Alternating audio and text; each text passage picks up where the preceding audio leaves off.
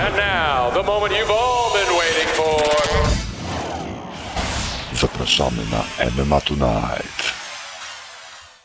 Hej kochani, hej kochani, z tej strony Olkiewicz Mariusz się ukłania, to MMA Tonight 242, typowanie KSW 60 i przegląd kursów, e, więc teraz już wiem czego sobie w tej sekundzie nie przygotowałem, dokładnie tego przeglądu kursów, ale zaraz to ogarnę, a w tym czasie przywitają się z Wami Michał Malinowski Dzień dobry.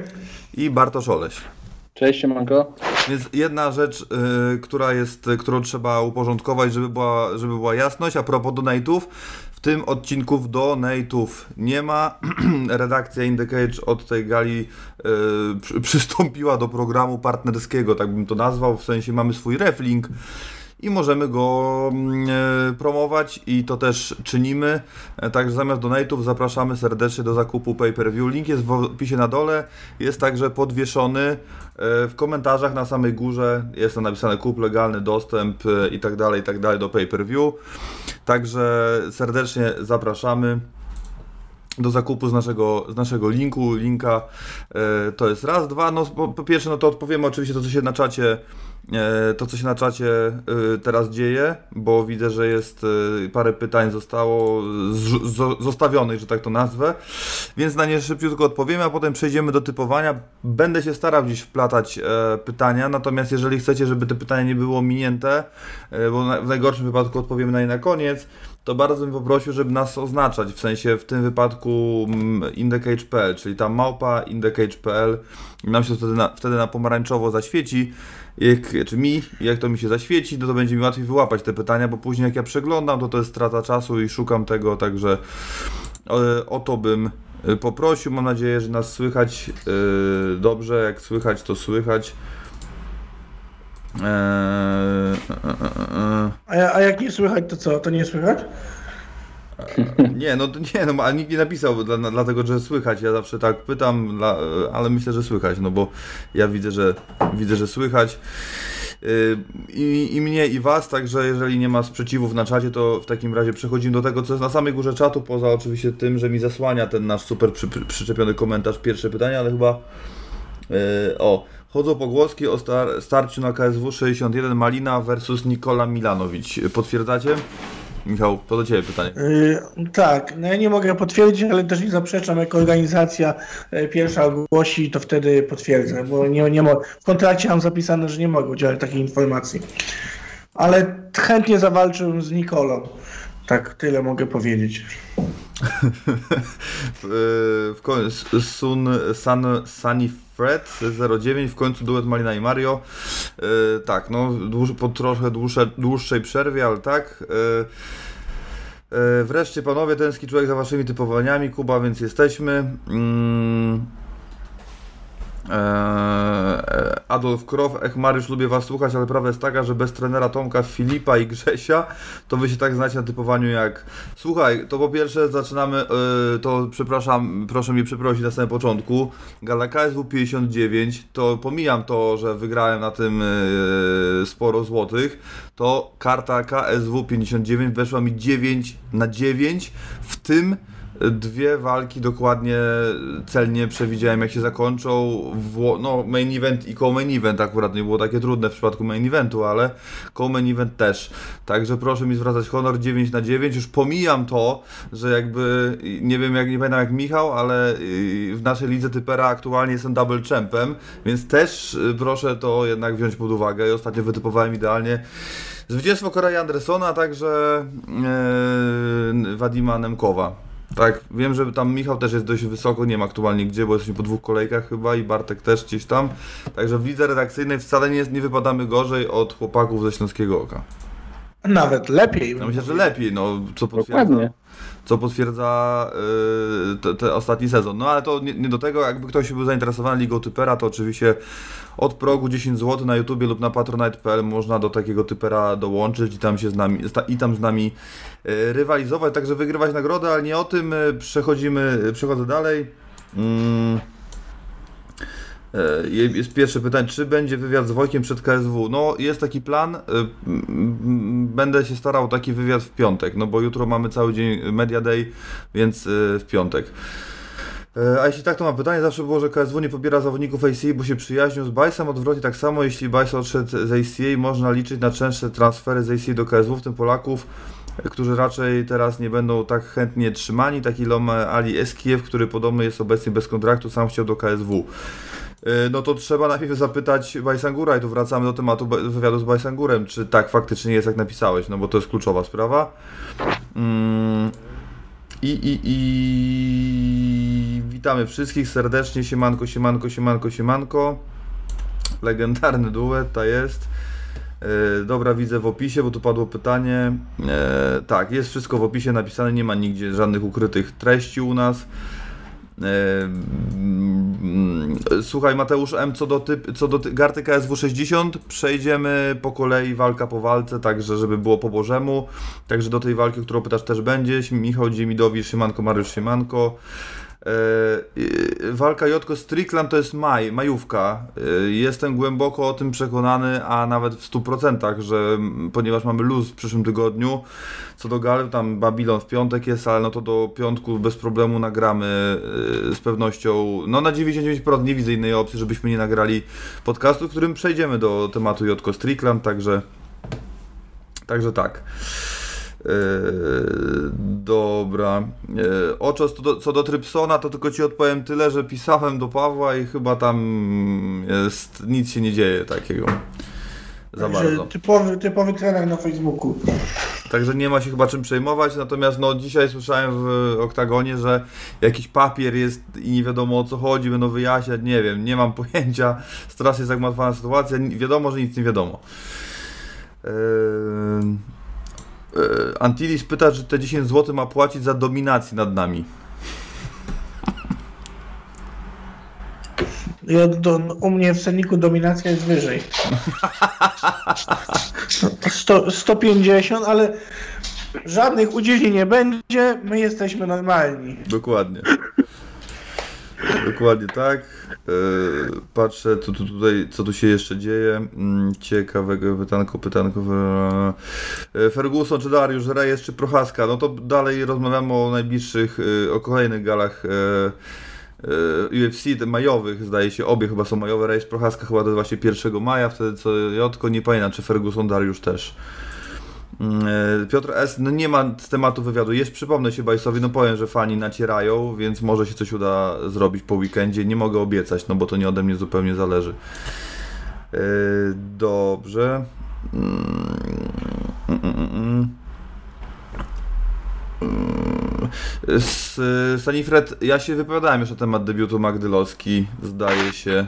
Także tutaj nie mam nic do dodania, to odsyłam do poprzedniego podcastu. Chyba, że się mylę, ale nie, chyba jestem prawie pewien, że już mówiłem o tym. Poruszaliśmy to na ostatnim podcaście. Tak, Tadeusz No ja Kowalski. też nawet o tym wiem. No, no, no, no właśnie. Tadeusz Kowalski, czy oglądacie podcast Łukasza Bosata? Nie, nie oglądali. Wiem o czym mówisz. Nie, nie oglądałem i nie, jakby nie zmieniam zdania w stosunku do tej walki, tego mojej punktacji. No widziałem ją, ja wydaje mi się, że w zasadzie zrobiłem prawidłnie, ponieważ widziałem ją raz na żywo. I to i, i nie wiem, w sumie mógłbym zmienić, ale jakbym miał na przykład by był sędzią punktowym, to bym punktował wtedy i wtedy bym i nie zmieniałbym, więc nie będę chyba jej drugi raz oglądał. Była raz leciała chyba e, gdzieś na Polsat Sport Fight, ale to była początek się rozkręcał, nie mogłem do końca wytrwać, a był taki pomysł nawet, żeby poczekać i obejrzeć, no ale widocznie nie jest mi dane. Mm. Jura Spudzian też o tym rozmawialiśmy, Tadeusz, na ostatnim podcaście.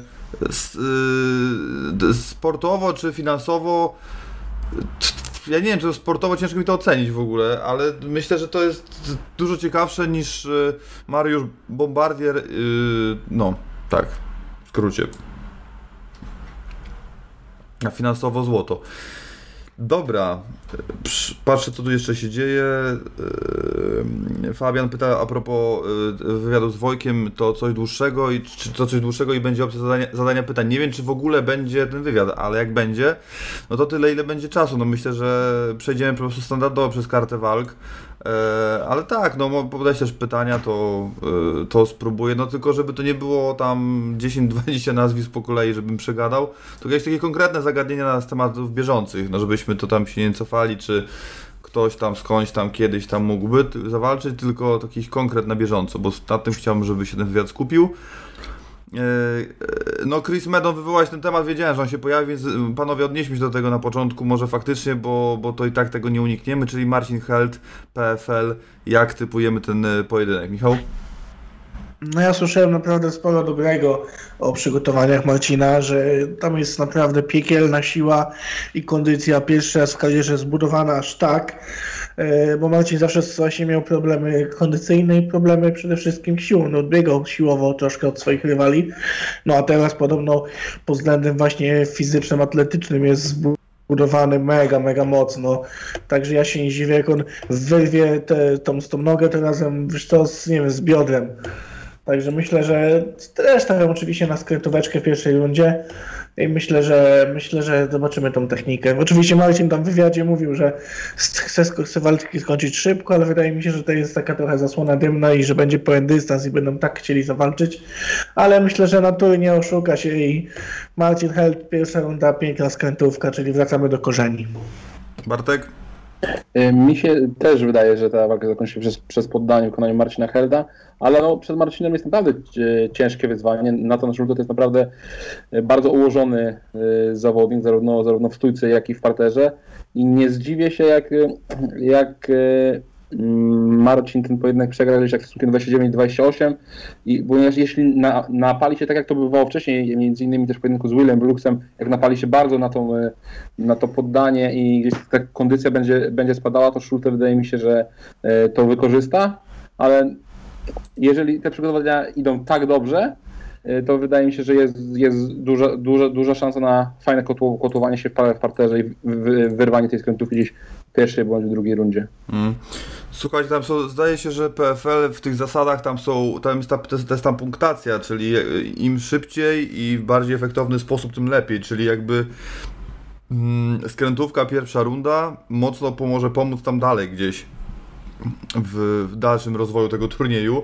Ja muszę sobie jeszcze te, dokładnie tę punktację przypomnieć i zobaczyć na co bezpośrednio ona ma wpływ, czyli czy jakby Marcin jak wygra pierwszą walkę, e, a nie wiem, nie wiem, czy może czy jakby ewentualne punkty zebrane mają wpływ tylko na finanse, czy na ewentualną, czy w ogóle porażka wchodzi tutaj w rachubę, no nie wiem, bo tam jest jakieś tak strasznie to, no może nie strasznie, no ale jest to dość za, za, zakręcone troszeczkę, taki nie, nie, nietypowy turniej, że wygrywasz, nie ma, nieważne w jaki sposób idziesz dalej, tylko te punkty gdzieś tam mają w czymś dalej odzwierciedlenie, także to musiałbym jeszcze faktycznie przejrzeć, e, szczerze się, widziałem to pobieżnie, ale nie, tak żeby się za wszystko brać odpowiedzialność, to nie pamiętam.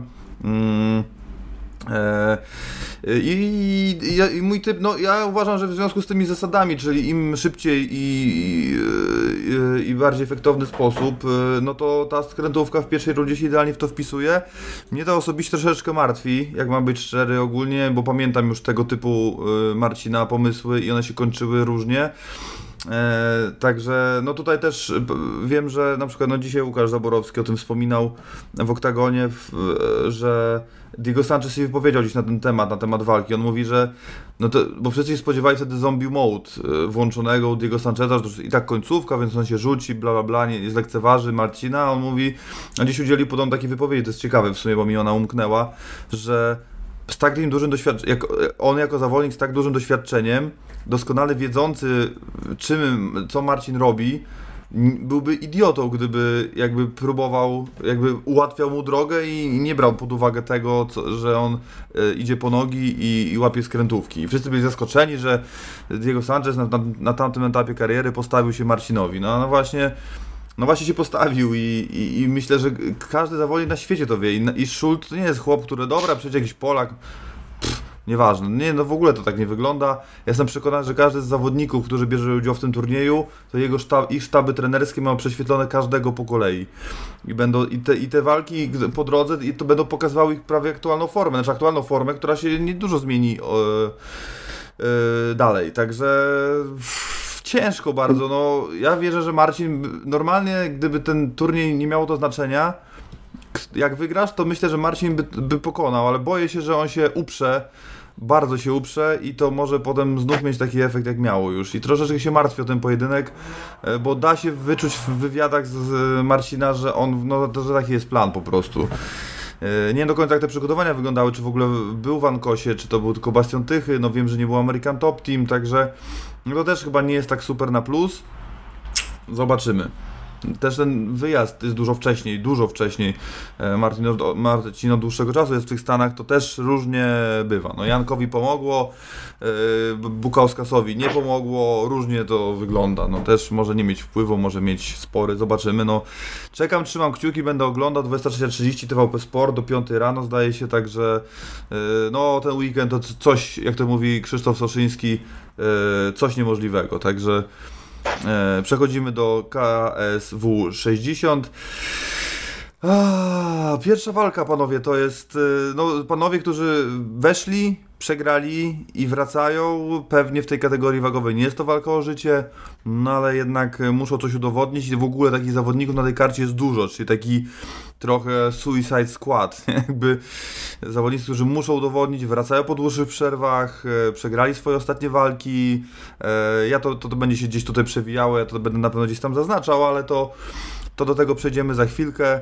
Patryk Surdyn, Jakub Wikłacz, kategoria Kogucia Michał. Kto z tego starcia, naprawdę ciekawego starcia na szczycie tej kategorii wagowej w naszym kraju wyjdzie zwycięsko przy otwarciu KSW 60? Tak jak powiedziałeś, no mega ciekawa walka na, na szczycie dywizji, bardzo fajna, obaj ostatnio po porażkach. E, No mimo, że wielkim faworytem tutaj jest e, Kuba Wikłacz, no więc to przede wszystkim magikiem parterowym i potrafi tutaj naprawdę zdziałać cuda. No to jest do porobienia w stójce, zdecydowanie jest do porobienia, a ja myślę, że zawodnik typu, takiego typu jak Patryk Surny, czyli ten młody zawodnik, który cały czas się rozwija, oczywiście Wikłacz także się rozwija, też jest młody, ale ja widzę tutaj niespodziankę i widzę tutaj e, Patryka Surdyna jako zwycięzcę tego pojedynku. Mimo wszystko, myślę, że te szlify bokserskie, te umiejętności walki w stójce e, pozwolą mu, e, pozwolą mu do, dotrwać do, do decyzji, pozwolą mu wygrać dwie rundy i myślę, że tutaj Wikłacz e, nie będzie w stanie swoimi zapasami obalić Surdyna i te dwie rundy powędrują e, na korzyść Patryka, jedna runda dla Wikłacza. Tak to widzę moim, e, na moim kuponie ja postawię na Patryka Surdyna. Bartek? No mi się tutaj wydaje, że, ja to trochę inaczej widzę niż Michał. E, No Kuba jest o wiele bardziej doświadczonym zawod, e, zawodnikiem, też e, walczy naprawdę z wieloma solidnymi, solid, solid, solidnymi zawodnikami. I trzeba powiedzieć sobie szczerze, że w tej walce z Sebastianem Przybyszem on nie wyglądał źle, oczywiście on przegrywał, ale też miał jakieś swoje, swoje, swoje momenty, też był zagrożeniem dla Sebastiana. I wydaje mi się, że ten parter jego jest na takim poziomie, że po tym, co ostatnio Patryk Surdyn pokazał e, z Damianem Stasiakiem, to wydaje mi się, że tutaj e, ja, ja celuję, że będzie poddanie w okolicach drugiej, drugiej trze, trzeciej rundy. Wydaje mi się że po prostu, że mm, Patryk jest e, bardzo utalentowanym i perspektywicznym zawodnikiem, ale wydaje mi się, że nie zrobił jeszcze aż tak dużego progresu, żeby przeskoczyć umiejętności parterowe Kuby Wikłacza. Mm. A, no tutaj, jeżeli jak patrzymy na bookmacherów, to zaraz postaram się Wam wyświetlić. Yy, to sytuacja wygląda następująco. Tutaj w ogóle w połowie karty jest Wikłacz Surdyny, nie wiem czemu. Yy, Wikłacz jest olbrzymim faworytem. Jakby myślę, że to ma trosz, może mieć troszeczkę związek z tym, że bił się z mistrzem aktualnym. Yy, albo, no nie wiem, czym, czym może być podyktowane, no tutaj nie będę się zamieniał w Bookmachera, to, to, to zostawiamy Fortunie. 1,40 Jakub Wikłacz, 2,96 Patryk Surdyn. Tutaj dlatego y, w sumie tak się myślałem, że będziecie jakby zgodni i w ogóle, że będziemy zgodni jakby w typie, ale rozumiem Michała rację i, i ja nie wiem, no bardzo tutaj już przechodzą do takiego bukmacherskiego podsum- podejścia. Bardzo, ale to bardzo opłaca się zaryzykować na Surdyna, bo 2,96 to jest genialny kurs. Eee, I ja bym w to szedł naprawdę, bo no to się po prostu opłaca z takiego punktu yy, zarobkowego, czysto finansowego. No i zgadzam się z Michałem, że to, że, że, że underdog może zaskoczyć i no kurczę. Też mi się na początku, jak usłyszałem to o tym starciu, to mniej więcej sobie przewinąłem, jak wyglądały ich ostatnie walki e, i, i pomyślałem sobie, że może jednak faktycznie Kuba, ale e, ostatnie, nie, nie ostatnio, tylko ostatnie w ogóle. I, ale kurczę, to nie wiem, no ja tu mam 50 na 50 od samego początku, to w ogóle bardzo dobre zestawienie jest. E, od początku 50 na 50 i, i, i tak się zastanawiam, wiem, że oni obaj wiedzą, że są po porażkach, wiedzą, że muszą coś udowodnić, wiedzą, że była głęboka wiara w ich umiejętności e, przy ich debiutach dla KSW e, i wiem, że z tą presją się będą musieli, będą się musieli zmierzyć. I, te, i ten poziom motywacji będzie wybitnie wysoki i tam na, i nie, no, tej kategorii wagowej jest szansa oczywiście na decyzję, ale myślę, że któryś z panów jednak walkę zakończy przed czasem. No 51-49 Jakub Wikłacz, ale tak jak byłem e, mm, przekonany, że e, poprzednio, przy poprzedniej walce Patryka Surdyna, że no niestety z tego starcia to on zwycięsko nie wyjdzie e, z Damianem Stasiakiem, tak tutaj tutaj 51-49 naprawdę nie jestem, no 51-49 wikład przed czasem, poddanie, druga, trzecia runda, ale to naprawdę, naprawdę, naprawdę jest mi ciężko ten pojedynek wytypować w tej kategorii wagowej. Dwóch zawodników, którzy no tak naprawdę e, razem z Sebastianem Przybyszem e, stanowią sile tej dywizji w kraju, to, to jest naprawdę bardzo, bardzo ciężkie. Ja myślę też, że jakby zestawić ich z Sebastianem Przybyszem, to nie jestem przekonany, czy na 10 walk wiemy, że no to tak ciężko to sprawdzić i w zasadzie się tego sprawdzić nie da ale na 10 walk nie jestem przekonany, że każdy by na przykład przegrał 10. Nie? Myślę, że tam mogło być różnie. Myślę, że naprawdę oni mają taki pakiet umiejętności, że mogą zaskoczyć i, i, i tutaj jeżeli miałbym postawić pieniążki, no to, to Patryk Surdyn, ale jeżeli, ale jeżeli kierowałbym się tylko tym, żeby nie, nie, nie, nie zastanawiać się nad pieniędzmi, tylko nad tym, żeby wygrać, no to te 51-49, tak jak wspomniałem, dla Kuby y, Wikłacza. Ja to zaraz postaram się Wam to wszystko gdzieś zobrazować, a tymczasem y, panowie, druga walka na karcie. E, Koziorzębski Surdu i tutaj mamy bardzo podobną sytuację, w zasadzie można powiedzieć analogiczną. Surdu w pierwszej walce przegrał z Tomkiem Romanowskim, e, a Kasper Koziorzemski w ostatniej walce przegrał z Marcinem Krakowiakiem. No tutaj mamy podwyższony limit chyba, bo tu jest chyba catch weight, o ile się nie mylę. Tak, tu jest chyba catch 80 kg.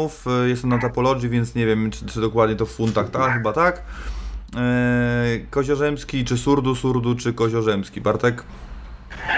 Znaczy, powiem szczerze, no, po tym co ostatnio też e, Kasper pokazał w ostatniej walce, e, wydaje mi się, że on może mieć problemy kondycyjne w tej, w tej walce, zwłaszcza gdzieś tam po drugiej, trze, trze, trzeciej rundzie. Trochę mnie też martwi, że to jest kolejny raz e, catchweight. To nie jest, wydaje mi się, dobre ani dla zawodnika, ani też, też dla dywizji. Wydaje mi się, że jeśli mm,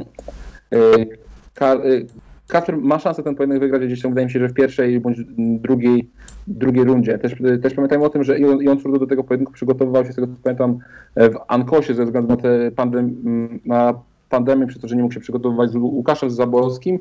I wydaje mi się, że oni też tam wymyślą mm, bardzo dobry plan. Ja tutaj stawiam na Iona Surdo, bo według, według mnie on z Tomkiem Romanowskim pokazał się na, solid, na solidnym poziomie. Oczywiście no, przegrał ten pojedynek e, prawie do, jed, do jednej bramki, ale tutaj dałbym, dałbym mu szansę i stawiam na Ion na surdu przed decyzję. Mm. E, Michał? E, no ja stawiam tutaj na Koziorzewskiego. Wydaje mi się, że te braki kondycyjne w tej ostatniej walce, która w moich oczach przynajmniej była naprawdę słaba, bo zarówno on, jak i Krakowiak, no to zrobili sobie basen, bo pływali tam praktycznie od pierwszej rundy. E, myślę, że tych braków kondycyjnych nie będzie, że jednak doświadczenie jakieś w tej walce i przede wszystkim wnioski, jakie wyciągnie Kodzierzemski będą takie, żeby się nie podpalać tak w pierwszej rundzie. Surdo tak, Surdo to jest głównie striker, to jest zawodnik, który ja też pisałem typowanie dla Fortuny E, to jest zawodnik, który głównie bije się w stójce, ma też występy kickboxerskie i ten jego parter wydaje mi się taki mocno podejrzany. Tam defensywne zapasy raczej i lecimy do góry. A Koziorzemski, on umiał balić, oczywiście to nie jest wirtuos, nie wiem, zapaśniczy i grapplingowy, ale on umiał balić, umie też skontrolować, więc myślę, że gdy już wywróci Surdo, no to Surdo będzie miał lekkie problemy, żeby wstać jednak spod Kacpra.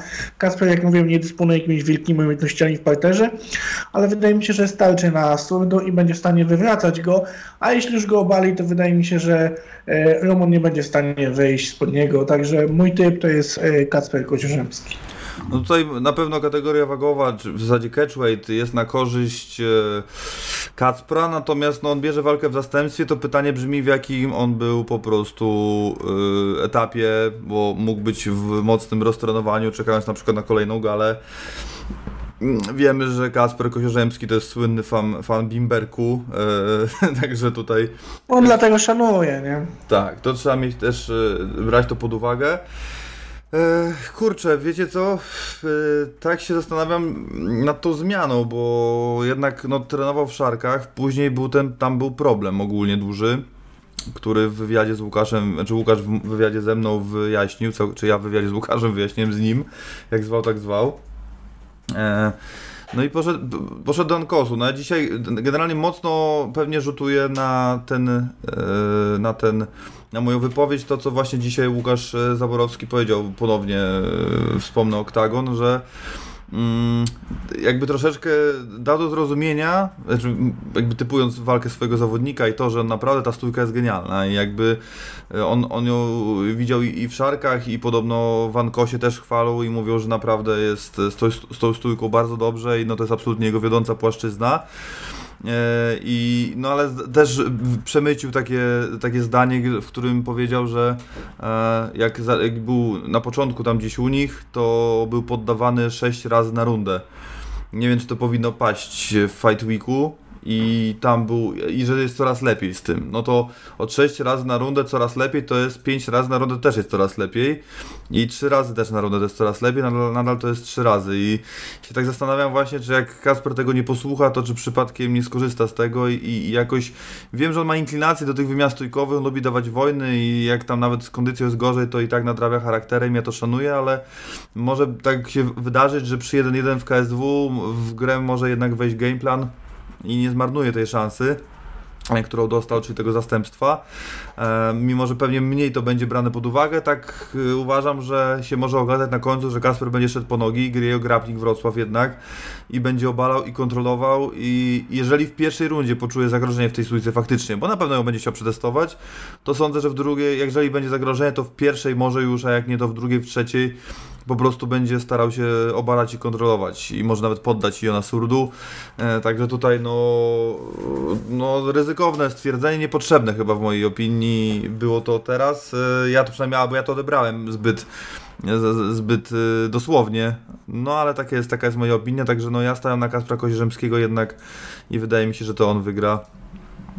Eee, kurczę, na, zostawię to na punkty pewnie, ale, ale tak, tak, tak, zostaję na punkty i przechodzę tutaj, bo już y, wyświetla nam się plansza, także szukam, zaznaczam, grubsza sprawa, czyli no, Koziorzemski 1,50, Surdu 2,59, także dość podobna sytuacja jak przy Wikłacz Surdyn, ale tutaj myślę, że, że, że 60-40 jednak Koziorzemski, tutaj bym to bym to tak zostawił i nie szukał. Jeżeli ktoś chce postawić na surdu, albo jest przekonany, że on wygra, to bym stawiał, że wygra przed czasem. To, zostawić, to lepiej postawić, że walka zakończy się przed czasem niż, niż na surdu, bo jeżeli ktoś jest przekonany walce o wygranej surdu, to raczej wygra on na punkty, a nie na, e, decyzją, e, na punkty, wróć, nokautem, Boże, co ja gadam, nokautem, a nie, a nie decyzją sędziów, także zaznaczam 1,50, potem oczywiście na końcu podamy Wam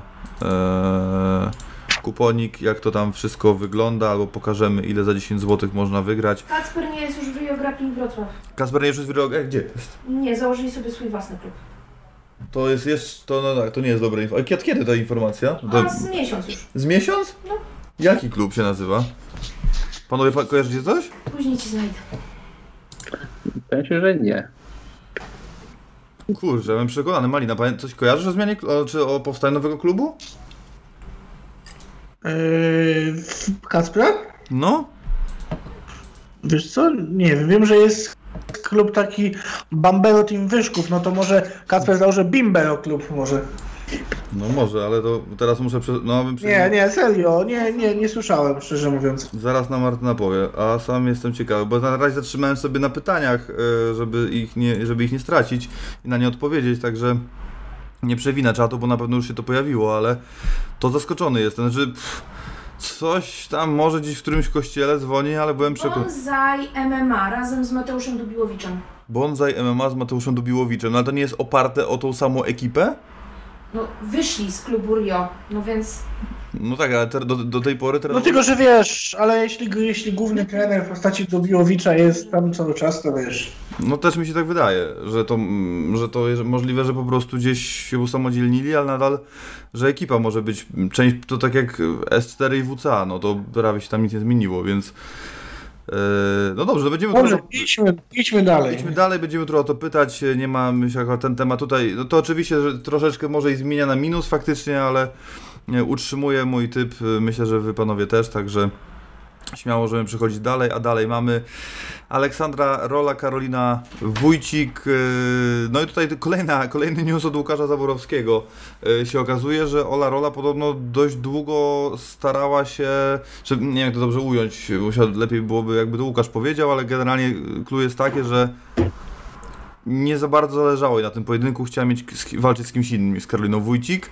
Nie ile to ma dużo znaczenia, no wiemy jakie panie mają rekord, 3-1-7-2, 3-1 Ola Rola, 7-2 Karolina Wójcik. I natomiast tutaj być może was e, zaskoczę, ale do tego przejdziemy później. Najpierw chciałbym poznać wasze typy, Bartek. Jak zakończy się walka pań? Trzeba też pamiętać teraz o tym, że Ola Rola w swoim ostatnim pojedynku no, pokazała się tragicznie, tak? No przecież no, Karolina Owczar w parterze, że robiła z nią co chce. Yy, No i mówię, to nie, to nie wyglądało dobrze. Oczywiście też pamiętajmy, że był też występ w walkach na, go, na gołe pięści, ale to też wydaje mi się, że nie, nie ma przełożenia do jej formy w MMA. Yy, Mi się mimo wszystko wydaje, że to będzie fajny, ciekawy pojedynek toczony głównie E, głównie w stójce i oczywiście Ola Rola ma swoje, ma swoje argume- argumenty w stójce, ponieważ to mimo tej e, porażki w fatalnym, fatalnym stylu, to jest, cały, cały czas bardzo dobra, bardzo solidna, solidna zawodniczka z fajnym e, backgroundem amatorskim, ale popatrząc na ostatnie wygrane Karol, Karoliny Wójcik i to jak ona fajnie tak, tak, tak naprawdę pracuje, pracuje w tej stójce, wydaje mi się, że będzie, będzie po prostu w stanie ją e, ograć. I mam nadzieję, że to też będzie ciekawszy pojedynek niż Sylwią Juszkiewicz, ponieważ tam oczywiście technicznie było spikowo fajnie, ale też jak pamiętam tam nie było za, za dużego widowiska i też jestem ciekaw, czy zmiana, e, zmiana, zmiana klubu, ponieważ Kar- Karolina się teraz przygotowywała e, w Grappling Kraków, z tego co pamiętam, co chyba Tak. dzisiaj Łukasz Zabor, Zabor- Zaborowski mówił, no i no, te zmiany klubu, no to też zobaczymy, czy, czy to się przełoży u Iona Surdu też właśnie i u Karoliny Wójcik, ale wydaje mi się, że to może mieć znaczenie. Ale ja, ja obstawiam Karolina Wójcik na punkty. Michał? To znaczy tak, jeśli walka będzie toczona w stójce, no to zdecydowaną faworytką jest Karolina Wójcik, to powiedzmy sobie szczerze. Ona naprawdę bije ultra agresywnie, w tej walce z Juszkiewicz pokazała się nad wyraz dobrze. To jest dobra naprawdę strikerka i i tutaj, żeby ktoś mnie nie zrozumiał, że bije jak chłop, w sensie, że idzie totalnie agresywnie. Ta stójka wygląda naprawdę, naprawdę dobrze. I mi się tak na przykład, jeśli chodzi o żeńskie MMA, to jest jedna z lepszych stójek, jakie ja widziałem w sensie dla oka. Bo podoba mi się ta agresja, to parcie do przodu i taki właśnie styl ma y, Karolina Wójcik, dlatego mi na przykład to bardzo imponuje. No, atuty Oli Roli są takie, że no, obalenie i skontrolowanie w parterze, ale jeśli ona w ostatniej walce Karolina Owczarz potrafiła ją skontrolować w parterze, no to myślę, że y, tutaj Karolina Wójcik nie powinna sobie zrobić, nie, dać zrobić krzywdy w tym parterze i powinna bronić tych obaleń. A jeśli będzie walka w stójce, jak już mówiłem, no to Karolina Wójcik powinna zdecydowanie, zdecydowanie y, prowadzić ten pojedynek przygotowania. No tutaj oczywiście podejrzewam, że obóz y, do tej walki lepszy y, miała, tak, tak przynajmniej mniemam, że lepszy jednak miała Ola, no bo w Czerwonym Smoku miała Ewelinę Woźniak, miała tam kilka dziewczyn i było i to już od dłuższego czasu, więc podejrzewam, że ta jej stójka jest dużo lepsza już niż była. Nie wiem, jak wyglądały przygotowania Karoliny tak naprawdę. Nie wiem, w grapplingu Kraków, yy, czy był, spali partnerki były wystarczające. Yy, natomiast myślę, że te umiejętności stójkowe, które posiada już Karolina Wójcik, które są już nabyte, yy, pozwolą jej ten pojedynek wygrać, mimo że być może, bo też tutaj nie, nie, nie mówię, że tak było, te przygotowania mogły być gorsze. Mhm. No tutaj ja się w 80 czy 90% z Tobą zgodzę przy tym typowaniu. W obu przypadkach doszło do zmiany przygotowań. yy, I to pytanie, no znaczy inaczej, przy Oli Roli jestem przekonany, że yy, tak jak widać zresztą, że to wyszło jej na plus. Yy, Da się to odczuć też po jej mediach społecznościowych, nie chodzi mi o jakby tam zdjęcia z gotowania, ale widać też po sylwetce, jaka do takiej, że doszło do, do zauważalnej, wybitnie zauważalnej metamorfozy. Ja przy tym typowaniu też bym chciał zwrócić na jedną, przy tej walce, tej, przy, walce, e, przy typowaniu tej walki chciałbym zwrócić na jedną bardzo ważną rzecz, która dość często ostatnio wybrzmiewa w mediach ogólnie MMA. E, no zaczęło się od Janka w zasadzie i od tego, że jeżeli masz wszystko ułożone w domu, jeżeli w domu jesteś szczęśliwy, są sukcesy, jest wszystko tak jak nie masz, nie wiem, kredytu, który ci wisi nad głową komornika, e, z żoną się dogadujesz, czy z dziewczyną, z narzeczoną, e, z dzieckiem, dziecko jest zdrowe, daje spać, wszystko, no jakby nie musisz dojść na treningi, e, półtorej godziny w tej z powrotem, wszystko jest generalnie pod linijkę, nie tracisz na nic czasu, wszystko jest ułożone, dopracowane, to to wszystko potem procentuje, ta spokojna głowa potem procentuje w klatce, co Janek już nam udowodnił niejednokrotnie. Później ten temat był przy, wy, wyrzucony do góry przy Mateuszu Gamrocie. On to dokładnie sam powiedział w zasadzie tak naprawdę e, i użył dokładnie tego, tych, tych, tych, samych słów. No, jeżeli to wszystko działa, i, a do tego dorzucimy ATT, w którym siedział 3 miesiące i mówił, że, że naprawdę no, pod każdym względem to po prostu go rozwinęło i, i nie tylko jeżeli chodzi o umiejętności, ale też mentalnie. Miał też dużo czasu na, przed e, ogłoszeniem jego pojedynku na dokręcanie technik e, i no, już nie będę wszystkich nazwisk wymieniał, z którymi trenował. I w domu też jest super. Też się wszystko zgadza, też wszystko jest pod linijkę i, i tylko tam jakaś tęsknota była, no to jest normalna sprawa. A, I znów mamy sukces. I znów, i to jaki? Jaka różnica między pierwszą a drugą walką? E, a, z, a z rywalem mocniejszym, przynajmniej w mojej opinii. E, I to wszystko działa. I teraz tak, u Oli tego wszystkiego nie było. Tam był przede wszystkim problem ze zdrowiem, jakiś niezbadany za bardzo problem.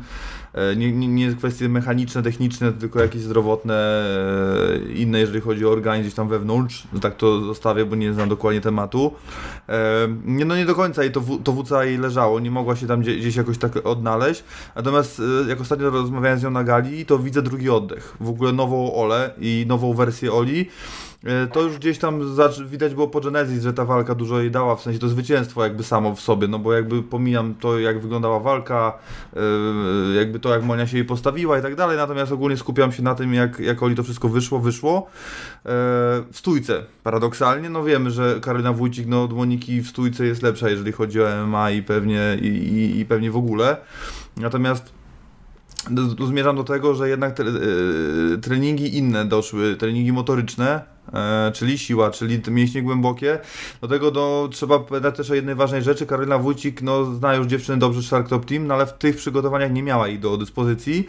Z kolei i tu na przykład mm, Klaudii Syguły, czy Karoliny Owczarz, czy, czy Karoliny Kowalkiewicz nawet.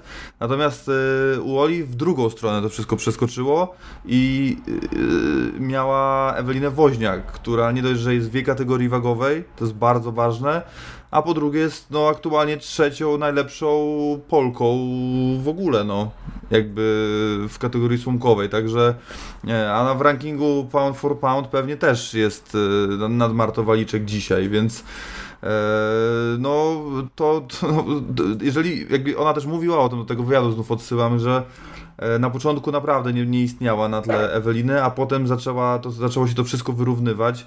E, także no, ja też pamiętam walkę Eweliny Woźniak z Karoliną Wójcik, to była bardzo ciężka walka dla Eweliny e, i tam można się było poróżnić w, przy werdykcie, natomiast dzisiaj to już są inne zawodniczki. No jednak walka z Sormową, tak, dobrze mówię, poszła naprawdę, e, naprawdę dobrze i, i dzisiaj już, no nie wiem, jakby się Panie spotkały, no ale ale mogło być różnie, natomiast wydaje mi się, że Ewelina Woźniak cały czas ten progres, e, cały czas progresuje, cały czas jest zauważalny ten progres i myślę, że tak duże, tak, tak ważna e, na początku, póki Olej się nie nauczyła jeszcze, czyli to o czym mówią zawodniczki, no, że super, że ich tam jest na przykład tyle i tyle, no ale już się znają jak łyse konie, czy to w przypadku mężczyzn, czy kobiet. I myślę, że to jest podobnie, tutaj do tego momentu jeszcze nie doszły mm, Ola z Eweliną i myślę, że ona cały czas się na, na, progresuje dzięki temu, że, że ma ją i nie tylko ją, bo jeszcze Kasię Lubońską zdaje się, E, w klubie i, i, i to, że ułożyła sobie też wszystko praca, yy, więc ta sta, też stabilność finansowa, jakaś taka spokojna głowa. Tak zauważyłem i, i, będę w to szedł, że to może naprawdę, że możemy zobaczyć OLE 2.0, to teraz tylko pytanie trzeba sobie zadać wprost, czy to wystarczy na Karolę Wójcik. Yy, i, I tutaj naprawdę mam duży, duży problem z tym pojedynkiem, bo pewnie nigdy by, gdyby nie ten wywiad, gdyby nie ta zmiana, gdyby nie ten Ankos i to wszystko i, i Ewelina Woźniak, to pewnie nie miałbym większych problemów z wytypowaniem zwyciężczyni. A tutaj znów mam problem i znów mam 50 na 50. E, no i po prostu e, na zasadzie Janusza po prostu po, pokieruje się kursem i postawię na Karolinę Wójcik. Po prostu zaufam bardziej temu, co do tej pory widziałem w klatce, niż temu, co się może wydarzyć po tym, co się zmieniło w życiu jednej czy drugiej. Także, także Karolina Wójcik, wiem, że trochę przydługi wywód, ale mam nadzieję, że to chociaż kogoś to trochę to zainteresowało i pokieruje przy, przy typowaniu. 1,65 Karolina Wójcik, 2,24 Ola Rola, e, ale uważam, że 2,24 na Ole Role to jest tak e, ciekawy kurs jak przy Patryku Surdynie. I tak to, tak to zostawię i tutaj włączam pyk, pyk, żebyście też widzieli. Karolina Wójcik, no i, i czekam bardzo, no jak wiecie doskonale wszyscy, jak bardzo walki kobiet mnie pasjonują, także czekam mocno i przechodzimy do starcia numer 4 i tutaj y, mamy sytuację taką, że Wojto Barborik w końcu, w końcu Wojto Barborik zadebiutuje. Zawodnik Octagon MMA, chyba jeszcze aktualny, versus Krzysztof e, Klaczek, którego, nie, którego mieliśmy zobaczyć na KSW 51, była kontuzja, no bo tutaj jak wieczór wojowników, miał, grał pierwsze skrzypce, oczywiście z przymrużeniem oka, no ale tak się wydarzyło, że akurat Krzysieka Klaczka nie zobaczyliśmy w Zagrzebiu, e, a jego rywalem Wojto Barboriki nie ma taryfy ulgowej. I teraz pytanie, czy nie ma taryfy ulgowej dla jednego, czy nie ma taryfy ulgowej dla obu, Michał? Znaczy ja już to nie rozumiem troszkę kursu na tą walkę.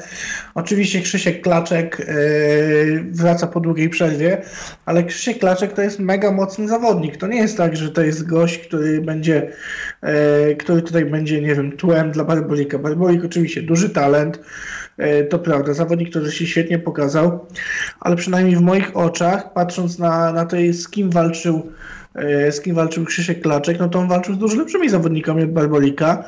Z niektórymi wygrywał, z niektórymi przegrywał. Walczył naprawdę na wielu galach w, w Europie. Walczył na Cage Warriors między innymi. I tam naprawdę w jego rekordzie jest dużo uznanych nazwisk, zawodników, którzy walczyli w UFC. E, I naprawdę wygląda ten rekord jego całkiem okazale, te nazwiska imponują i także umiejętności są Krzyśka Klaszka naprawdę bardzo dobre, bo to jest dobry zapaśnik, on potrafi naprawdę bardzo dobrze obalać, dobrze walczy w, y, dobrze walczy w tym parterze, umie się kulać, y, no i ta stójka też nie jest jakaś mega zła, także ja trochę kursu nie rozumiem. Wydaje mi się, że ta rdza może tutaj y, być przeszkodą dla Krzyśka, bo nie wiem jak on się zaprezentuje po tak długim czasie. Ale ja szczerze wam powiem, że ja, ja w tej walce stałem Krzysztofa Klacz. Barbolik oczywiście duży talent, wiele rzeczy o nim mówiono, ale Krzysztof Klaczek jest w Polsce naprawdę zawodnikiem mega, mega niedocenianym. Mój typ to jest Krzysiek Klaczek decyzja. Wydaje mi się, że on przełamił przede wszystkim siłowo, bo jest naprawdę ultra silny jak na tę kategorię wagową w Polsce, a tam tlenu zawsze było na 15 minut, więc myślę, że Klaczek decyzja i to będzie duża niespodzianka dla wielu osób. I tutaj Bartek, nim oddam Ci głos, y, tutaj Michał, zgadzam się z Tobą w, w 100%. E, kurs jest irracjonalny, to przytoczę go od razu, żeby było wiadomo o czym rozmawiamy, bo może go tam jeszcze nie widać na ekranie, bo jeszcze nie przeszliśmy dalej. 1.30 e, Barborik 3.39 Klaczek to jest kurs y, nieodrealniony w mojej opinii i, i, i, i tutaj te 3.39 to na razie do tej pory z tego co z tego co przejrzeliśmy, to jest najbardziej atrakcyjny kurs. W sensie prędzej, e, nie wiem jak to dobrze ująć, najprędzej z tych trójki, której nie wytypowaliśmy, to właśnie wygra Krzysiek Klaczek z tym najgorszym kursem. Prędzej on niż Surdyn, prędzej on niż Ola Rola. E, obejrzałem, znaczy tak, jak się wejdzie w Topology, ja oczywiście wiem, że te walki warto obejrzeć. Najpierw wiem, że to też nie jest trudne, bo one są w 8K na YouTubie. Wielki szacun dla Oktagonu zresztą za tą robotę, którą robią, e, medialną i obejrzałem dwa osta dwie ostatnie walki, no to były dwa poddania. Wojto Barborika, wpięcie za plecy, wszystko w pierwszych rundach. 2 minuty, 4 minuty to wszystko trwało. 2 minuty chyba ostatnia walka, 4 minuty osta- przedostatnia, ale naprawdę ci rywale u Krzyśka Klaczka mogliby, no z całym szacunkiem, ja wiem, że to tak zabrzmi jak zabrzmi, ale mogliby mu te śrubki podawać, jak on skręca klatkę. Yy, MMA klatkę swoją. A skręca dobrze. A skręca dobrze i nie nadają się do niczego. Tam jest w ogóle chłop, który ma 3,24 czy 3,27 rekord, nie? Jakby to też trzeba wziąć pod uwagę i ja cały czas... Wiesz, ja ci, ja ci tylko No. przerywając, bo Klaczek jest bardzo tutaj niedoceniany, jak już powiedziałem, i przez, jest bardzo brany pod uwagę przez pryzmat walki z Marcinem Wrzoskiem. Tylko pamiętajmy, że on wy- wyszedł chyba na zastępstwo tygodniowe, przewalczył z Klaszkiem, z Wrzoskiem 15 minut, nie dał się skończyć i tam naprawdę wyglądał w tej walce dobrze, miał swoje momenty, także to jest kawał zawodnika, naprawdę. Wojto Barborik bazuje na decyzjach i poddaniach, głównie poddaniach, w trzech różnych opcjach. W pełni jego rekord nie jest w 100% tam uzupełniony, więc nie wiem, które walki jak się kończyły, ale żadnego knockoutu nie widziałem. Co by mogło wskazywać na to, że nie, nie położy klaczka, jeżeli wrzo- a wrzosek trafi Klaczka klaczka. nikt nigdy nie poddał. I tak, ale na dechy nie, Wrzosek go trafił mocno, Klaczek padł na dechy, ale się zebrał i jeżeli Marcin Wrzosek nie znokautował, to raczej wątpię, że Worto Barborik to zrobi i teraz y, Klaczka nikt nigdy nie poddał, no i w ogóle mnie to nie dziwi, nie dziwi. natomiast ja widziałem jak wchodzą poddania Barborika na tych y, y, panach i no nie widzi, że w ogóle nie ma o tym mowy, żeby jakiekolwiek poddanie nie, jeżeli jakkolwiek obalenie tego typu weszło w ogóle z Krzyśkiem Klaczkiem, to jedno w ogóle było dość siłowe, takie rzucił go na matę, drugie trochę takie no, zdecydowanie lepsze, ale tam jeden chłop nawet y, obalił Barborika w 20 czy w 40 sekund i to taki chłop, co ma 8-7 aktualnie. Jest to po tej walce. Y, Brazy- Gonsalves jakoś tak, na oktagonie. E, obalił w 40. no, Zapraszam na YouTube, bo to warto to obejrzeć. I to się. Krzysiek Klaczek, e, biorąc pod uwagę jego muskulaturę, siłę i, i to, jak on sobie radzi w tej płaszczyźnie, i jego warunki fizyczne, on jest takim trochę przeskalowanym w górę, oczywiście, Antunem Raciczem. W sensie chodzi mi o budowę ciała, to jest większy po prostu dużo, wyższy. E, nie ma mowy, żeby go obalił Barborik. I Wiesz akcja- co, ja tylko przywołam też słowa, znowu ci przerwę, ale naszego Filipa Bachuta, który miał szansę walki z Klaczkiem E, i Filip, Filip, który kulał się naprawdę z wieloma zawodnikami, już bo Filip e, naprawdę z paroma nazwiskami w Polsce już miał przyjemność się kulać na treningach i mówił, że kulał się z zawodnikami dużo, z kategorii dużo cięższych, że nawet półśrednia, tam żaden nie był tak silny jak Klaczek. Także to jest chyba mocno wymowne. Nie, to bo mi, ja bardziej, mi nawet nie chodzi o to, że to jest walka do jednej bramki i w ogóle Barborik to w ogóle przyjechał po wypłatę i w ogóle będzie zmielony. Nie, nie, nie. Jest 12-1 versus 12-6. Zobaczymy, które 12 jest więcej warte. Ja wątpliwości nie mam, natomiast fakt faktem może tak być, że mm, te, te przygotowania y, jednego czy drugiego, to nie mieliśmy w nie wglądu, zapytamy o to jutro z Filipem. Natomiast tak jak powiedziałem, no du, te, ten kurs po prostu bardzo, bardzo nie odzwierciedla, mocno nie odzwierciedla tego, co tak naprawdę panowie potrafią i ja y, wiem, że może i lepiej Wojto obejrzeć więcej walk, natomiast no, zob- zobaczyłem walki na takich cienkich rywalach, e, a nie takiego cienkiego nie będzie miał e, sobotę przed sobą i naprawdę mm, wierzę w to, że Barboryk jest w stanie podać Krzyśka Klaczka, mm, że ma na to umiejętności że Krzysiek Klaczek jest w jego, zasięgu, ale po prostu coś mi podpowiada i to już powołuje się nie na jakieś doświadczenie, wiedzę czy cokolwiek, tylko na po prostu na jakąś prostą intuicję. I w mojej opinii Krzysiek Klaczek zaskoczy wszystkich i, i może nie podda, ale, ale, ale 30-27 naprawdę jest w jego zasięgu. W, widzę to po prostu, no. Widzę to i, i, i tak typuję, także dla moim zdaniem mm, Krzysiek Klaczek wygra ten pojedynek. Mogę to już zaznaczyć, ale nim to zaznaczę, to jeszcze e, Bartosz od Ciebie dwa słowa.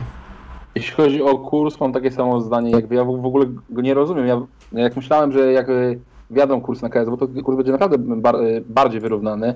Oczywiście Woszt, y, Woszto Barborik jest świetnym zawodnikiem, jest mega perspektywiczny i ta jego gra parterowa i te poddania są naprawdę świetne, ale trzeba, trzeba zaznaczyć, że Krzysiek Klaczek to będzie najpoważniejszy rywal y, Barborika w karierze. On z tak dobrym zawodnikiem się jeszcze nie mierzył. Jego os ostatni rywale to jest re rekord 8-6, 4-2, 25-17. No i to są też t- takie, no, nie boimy, nie boimy się tego powiedzieć, to są po prostu ogórki, tak? A ostatni zawodnicy, z którymi walczył Krzysiek Klaczek, oczywiście to jest porażka z Marcinem Wrzoskiem, to jest Teixeira, to jest Ala- Ala Zakoj, wcześniej Ludowit Klein, też, też jak spojrzymy na rekord Krzysia Klaczka, to te jego porażki, które są, to są naprawdę za, zawo- zawodnikami, którzy walczą y, na y, No, wielu... Ludowit Klein, no to chyba nie trzeba mówić nikomu. Tak, to jest UFC teraz, tak. Yy, Wcześniej, wcześniej jak przegrywał, też przegrywał z zawodnikami, którzy teraz walczą w Bellatorze. Więc też mi się wydaje, że przewaga siłowa będzie, będzie tutaj decydującym czynnikiem. Wydaje mi się, że Krzysiek Klaczek będzie w stanie sk- skontrolować przeciwnika przy klatce, będzie w stanie go e, obalić i wydaje mi się, że tam będzie w stanie go skontrolować i mam takie samo zdanie jak ty, że e, to zakończy się decyzją. Oczywiście się nie zdziwię, jak y, nagle Barborik wyczaruje jakieś świetne, świetne podanie i go i skończy ten pojedynek w ten sposób, bo to jest naprawdę bardzo groźny zawodnik tej, w, tej, w tej płaszczyźnie, ale też tak uważam jak Michał, że Krzysiek Klaczek jest naprawdę niedocenianym zawodnikiem, bo to, bo to jest naprawdę świetny zawodnik i świetne wzmocnienie dla, dla KSW i cie- cieszę się, że wraca w końcu po, tak, po takim czasie. Mm. No i tutaj bym też chciał, żeby to też wybrzmiało, jak, z jakimi rywalami w ogóle Krzysiek się mierzył i mam na myśli tych, z którymi przegrywał, bo to jest y, Dawid Żywica, święty pamięci, no pamiętamy jak on się prezentował, e, Damian Tak, Stasiak. i tam było, przez, tam było przez poddanie, także ja tutaj zwracam honor, bo y, Klaczek przegrał przez poddanie. A, okej. Sprawdziłem teraz dokładnie, doczytałem. No ale to e, mówisz o walce z Dawidem Żywicą? Yy, tak, no chyba tak. To było 10 lat temu, nie? No to możemy to Ale, zostawić. ale nie no, no, no nie no, bo powiedziałem też, No tak, tak. Że, że, że, także nieścisłość była. Nie, no tutaj fani by to byś za, za, wiesz, za, za dwie godziny byś był już tam, wiesz, w komentarzach. Ja się umiem przyznać do błędu. No i bardzo dobrze. E, Damian Stasiak, tylko wtedy to też było, to Damian Stasiak miał chyba debiut w ogóle, ale tak, no do Damian Stasiak, no to też było 10 lat temu, raz, dwa, że no wiemy jak, ka, każdy zna karierę Damiana Stasiaka, też każdy zna, wie gdzie, dokładnie jak ona się potoczyła, także tu absolutnie nie ma mowy o jakimkolwiek wstydzie. Bamma to jest przecież main event z Tomem Dikenua, to jeszcze pamiętam jak na podcaście to omawialiśmy do dziś, to pamiętam.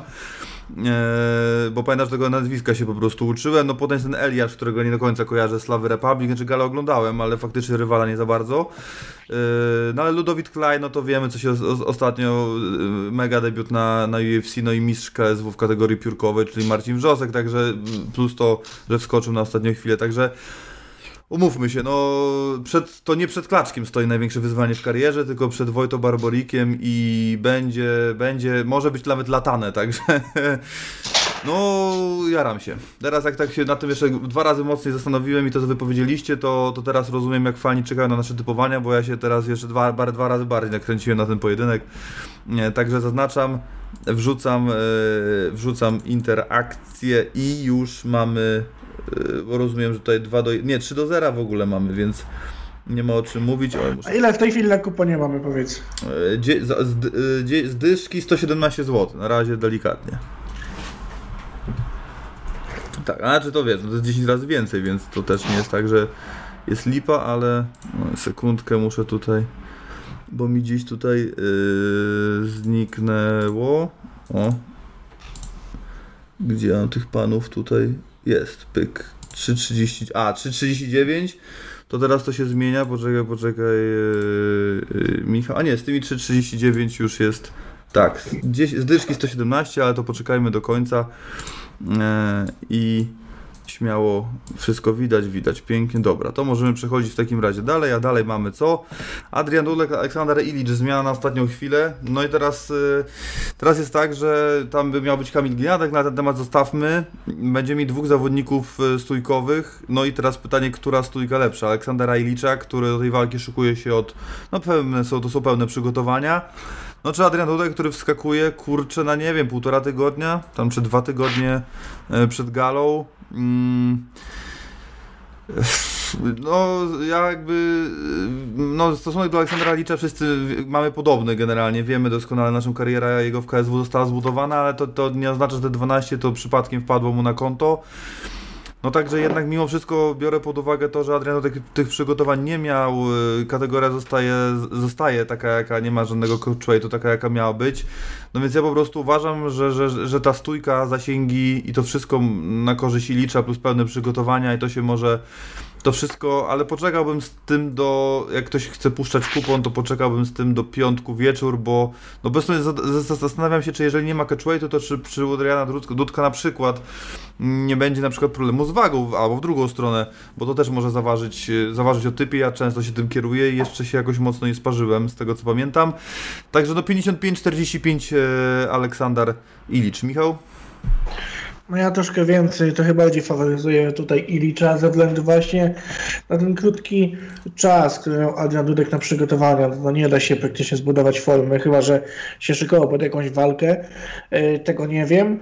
No szansą jest ten parter. No wiemy, że Ilicz jest najsłabszy w tym parterze, te jego zapasy są mizerne, a Adrian Dudek trenujący w Berserkerach u Damiana Herczyka na pewno te umiejętności yy, parterowe ma, bo tam się nie da inaczej po prostu.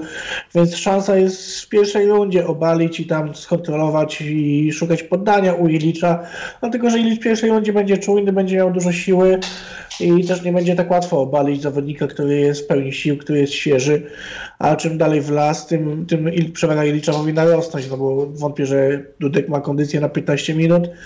Yy, Także no ja tutaj faworyzuję Ilicza, ale tylko ze względu na to, że ten obóz przygotowawczy nie był, nie był pełen u Dudka, bo Aleksander Ilicz to nie jest zawodnik, którego ja cenię w KSW. Pamiętasz, y, Bartek, doskonale jak wyglądała walka z Damianem Janikowskim. Walka była do jednej bramki, do momentu oczywiście nokautu, który był genialny. A potem pamiętamy też, że Aleksander Ilicz mimo wszystko, ale no Michała Materle jednak trafił tam z Cezarym Kęsikiem. Też to tak nie było chyba. Też chyba był jakiś taki moment, w którym te ciosy Aleksandra wchodziły, no bo on ma na, jak na tę kategorię wagową naprawdę genialne zasięgi. E, także no trzeba tutaj oddać, że no, po, po tym względem na pewno będzie górował. I, I kolejna rzecz, o której trzeba pamiętać, no to przy walce na ostatnią chwilę problem często się pojawia ten i widzieliśmy to też e, w, w poprzedni, na poprzedniej gali czy dwie gale temu, e, że jednak może zabraknąć tlenu. I pytanie, czy Adrian Dudek ten tlen ma. Ja jestem przekonany, że Aleksander Ilicz ten tlen będzie miał, nie tylko ze względu na te przygotowania, ale ogólnie no, dysponuje dość dobrą bazą tlenową. E, I sądzę, że może nawet ten taki plan być, żeby dać się wystrzelać Adrianowi w pierwszej rundzie i żeby potem zacząć punktować, ruszyć i jak będzie szansa to skończyć jakimś czymś ekwilibrystycznym. No i pytanie brzmi, jakie ty szanse dajesz, bo tutaj zaznaczę ciekawostka, kurs jest identyczny jak przy walce Wikład-Surdyn, choć nie rozkładałbym tak, tych szans tak samo. 1,40 Ilicz, 2,96 Dudek, Bartek, twój typ.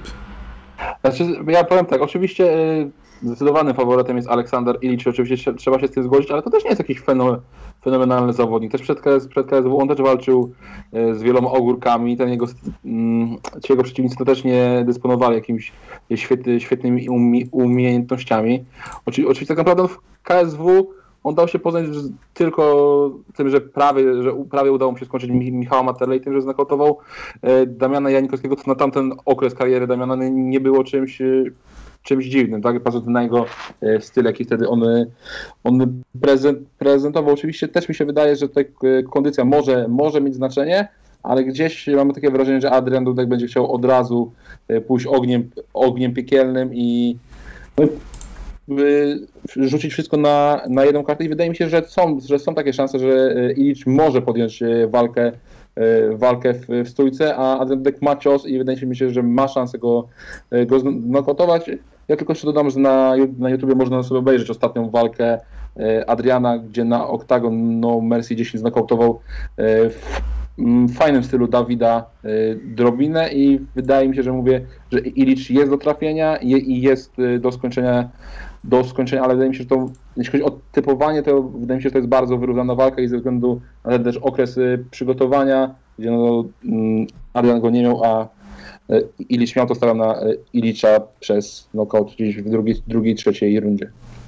I przechodzimy dużo, kilka kategorii e, wagowych niżej. Patryk Kaczmarczyk, Michał Sobiech. No walka taka, no nie chcę powiedzieć, że na niej budowana jest e, e, pl- plakat, bo tak to trzeba nazwać, no w tym wypadku taki dość nie, nie, niekonwencjonalny, bo kwadratowy, z takimi okienkami, no ale są tam panowie. Finalnie także Patryk Kaczmarczyk, Michał Sobiech, no to są gdzieś te postacie, którymi, którymi się firmuje tę galę, no nie jest, nie da się ukryć, że to prawdopodobnie e, miks tego, jak wielka wiara jest Patryka Kaczmarczyka plus jego autopromocja.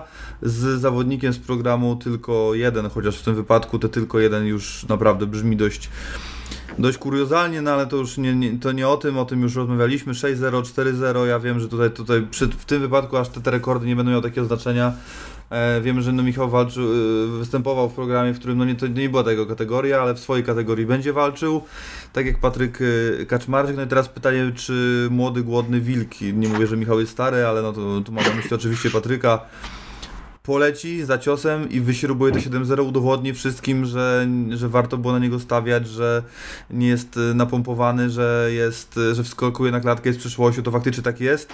E, czy jednak Michał Sobiek, ten, który jest no, ostoją spokoju, no, jest absolutnie oazą spokoju i jego wypowiedzi wszystkie są tak głęboko wyważone, że się, że, że, że powinien otworzyć firmę z poziomicami, także Michał, jak ty to widzisz, czy twój imiennik sobie poradzi z młodym, głodnym wilkiem z RK Teradą?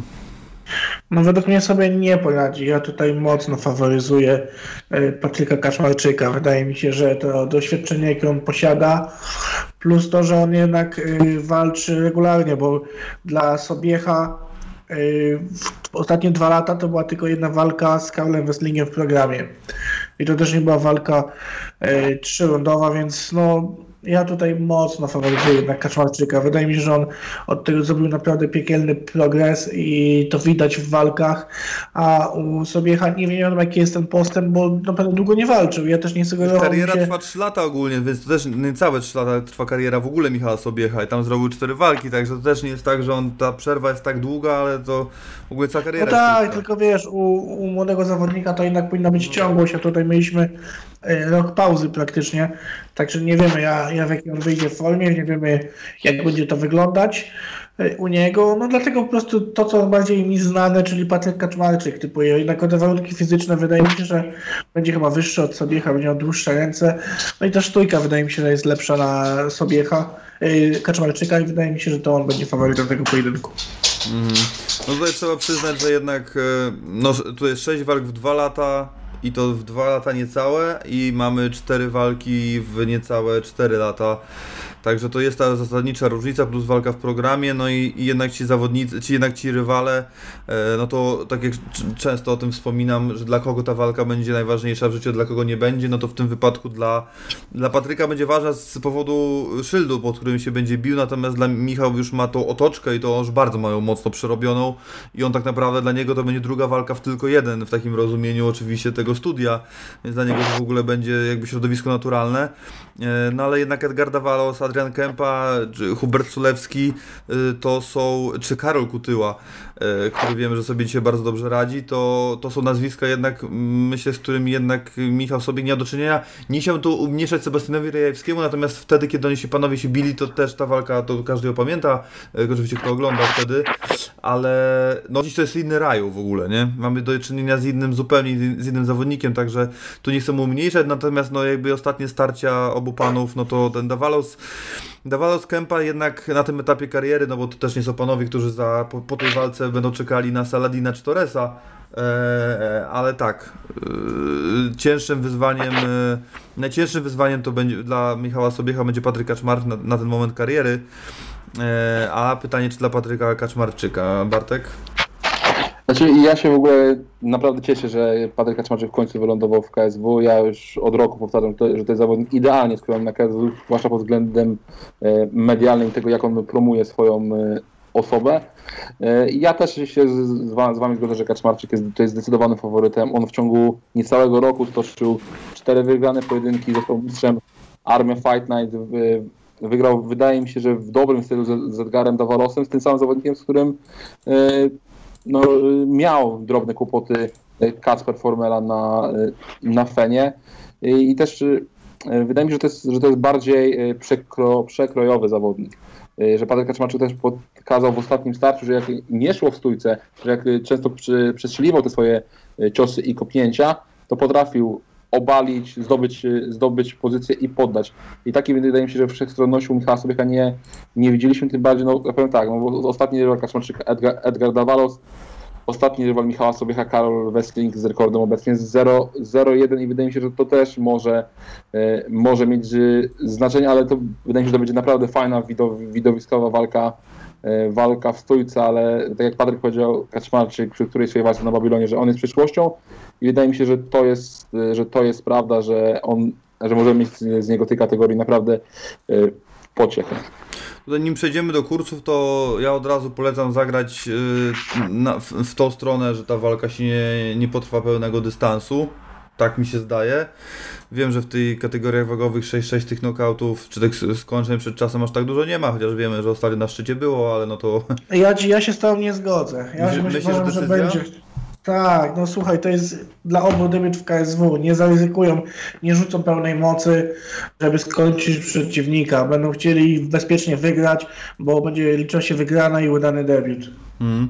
No mi się wydaje, że właśnie tu, tu się tego nikt nie spodziewa i, i zobaczymy właśnie, zobaczymy to zwycięstwo przed czasem, więc ja bym szedł w tą stronę, ale dla, dlaczego? Dlatego, bo jeżeli ktoś chce stawiać na Patryka Kaczmarczyka, mamy 1,25, 3,96 na Michała Sobiecha. No tutaj oczywiście fani Michała Sobiecha mają pole do popisu, bo za stówkę 400 wyjmujemy, no to jest fajnie, ale e, jeżeli wygra oczywiście, ale no stawianie na kupon Patryka Kaczmarczyka nie ma sensu, bo wiąże się zbyt dużym ryzykiem, bo to nie jest walka 80-20, także w mojej opinii, także mm, tego się nie opłaca wrzucać na kupon, jeżeli robimy taśmę z całą kartą walk. To ja osobiście odradzam i polecam szukanie, w, szukanie innego kursu gdzie indziej po prostu, czy tak jak ja mówię, ja, tak jak mówi Michał, czyli y, po prostu przed czasem lub nie.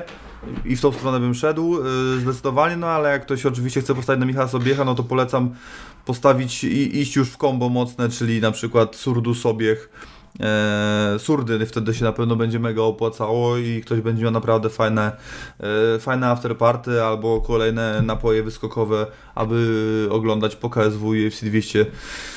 261, e, także tutaj jest, jest to fajną opcją. E, no ja, ja stałem na Kaszmarczyka, a powiem, nie tylko chodzi o jego wypowiedzi, że jest go trosze, troszeczkę więcej w mediach i dlatego i to, że ta, że, że ten Babilon, ta klatka jest tą przyszłością, nie, nie, nie, no to jest kilka rzeczy się na to składa, natomiast on powiedział też ważną rzecz i to jest taki trochę, jak to się mówi ładnie teraz, e, case Mateusza Gamrota, czyli mieszka w hotelu, który jest nad klubem, Natomiast jeżeli chodzi o, e, o Michała Sobiecha, no to sytuacja jest taka, że zajmuje się troszeczkę teraz swoim projektem biznesowym 60 Days, e, który też mam okazję testować. E, no, na razie biernie, nie będę do Was oszukiwał, bo naprawdę nie mam czasu się tym zająć, ale bardzo, bardzo fajna sprawa, no ale to, czy, czy to jest fajna sprawa na moment e, przed najważniejszą walką w życiu, nie wiem.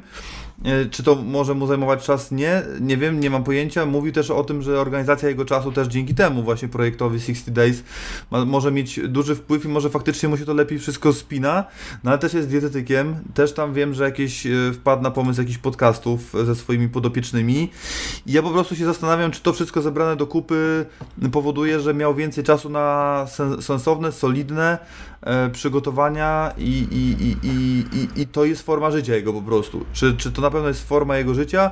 Być może usypia mnie po prostu jego mm, jego, jakby to powiedzieć, image, czyli jest taki wyważony, spokojny, widać po Patryku, że te oczka chodzą, to jest taki grzechotnik generalnie i widać, że tam, tam naprawdę po to kopułą się grzeje. Stąd też te po, porównania, e, jeżeli chodzi o motywację oczywiście, nic innego. Jeżeli chodzi o te porównania do Conora McGregora, to tu wid- widzę właśnie takie, takie podobieństwo, nie? Tego, takiego do, tej przemotywowania się takiego w pozytywnym tego słowa znaczeniu, tego e, parcia do, do, do, do celu i, i, i generalnie takiego widzę naprawdę, że no nie, nie wierzę po prostu to, że on był w stanie, mm, że zbierze 130 ciosów i dalej będzie stał, że po każdym knockdownie w stanie e, żadnego duszenia nie odklepie, ze wszystkiego się wyrwie, po prostu wydrze to zwycięstwo, co by się nie działo. I tutaj po prostu myślę, że to, że tak, tak to widzę po prostu taką otoczkę wokół tego, natomiast no wiemy doskonale i tutaj rzucę banałem oczywiście, że klatka weryfikuje wszystko. No niemniej jednak e, największy faworyt na tej karcie, bo nim jest Patryk Kaczmarczyk, no nie będę e, tu, tu wojował, tu kurs myślę, że może nie jest adekwatny, ale 1,25 e, wystarczający, aby dać do, dać do myślenia i sądzę, że tutaj raczej nikt, kto postawi na Patryka na, na taśmie, czyli na taśmie nie będzie zawiedziony i raczej wygra, tak to widzę, natomiast no e, ciężka walka, lubię obu i, i, i, i naprawdę chciałem po prostu zobaczyć genialny pojedynek, no ale wiem, że jeden musi przegrać, taki jest MMA, taki jest ten sport.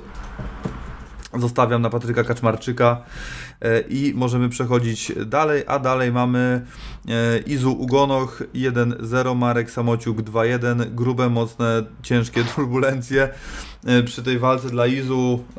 Najpierw miał być Tomasz Narmo, potem Uguros Kaplan, czy o, tak, chyba tak, dobrze powiedziałem. No i teraz jest Marek Samociuk. Marek Samociuk, no tak ktoś nie wie, no to TFL na początku, e, ale no to nie tam zasłynął, nie na TFL-u zasłynął, tylko zasłynął turniejem e, Wotore. Na TFL-u ma 1-1, zwycięstwo splitem i później porażka po ciosach w pierwszej rundzie. E, I mamy potem cztery walki, nie, pięć walk y, w, na gołe pięści i tam od, odprawieni Damian Majewski, Łukasz Wiśniewski, Szymon Szynkiewicz, Danis Załęcki na drugiej edycji i później porażka z Michałem Pasternakiem, a, a jeżeli chodzi o gołe pięści to tyle, a potem y, walka no tak naprawdę 9 kwietnia, czyli dwa tygodnie temu z Tomaszem Janiszewskim i zwycięstwo decyzją. Y, No i teraz pytanie brzmi, czy, czy Marek Samociuk wszedł już w tak grube roztrenowanie, a to ten taki moment byłby, że to mógłby być środek roztrenowania i to nie jest po prostu dobry moment dla niego na walkę, a jednak 15 minut z Janiszewskim wy, wytrzymać musiał i przewalczyć. Eee, I ciężko, no Tomasza Janiszewskiego generalnie ciężko, yy, mówi się, że ciężko jest, się go, jest go skończyć, no i te, Marek Samosiuk też go nie skończył, mimo że te pięści jego ważą i radził sobie no tutaj też musimy dokręcić tę informację i ją przedstawić, że y, walki na gołe pięści nie charakteryzują się w, przypadku Wotore nokautami też, wy- wyłącznie, ale też wypchnięciami za matę. No i tak wygrał dwie pierwsze walki, także mm, tutaj akurat y, to Szymon Szynkiewicz po Grand and Pound i Denis Załęcki padli, natomiast y, to są te dwa zwycięstwa, a następnie Michał Pasternak pokonał go ciosami.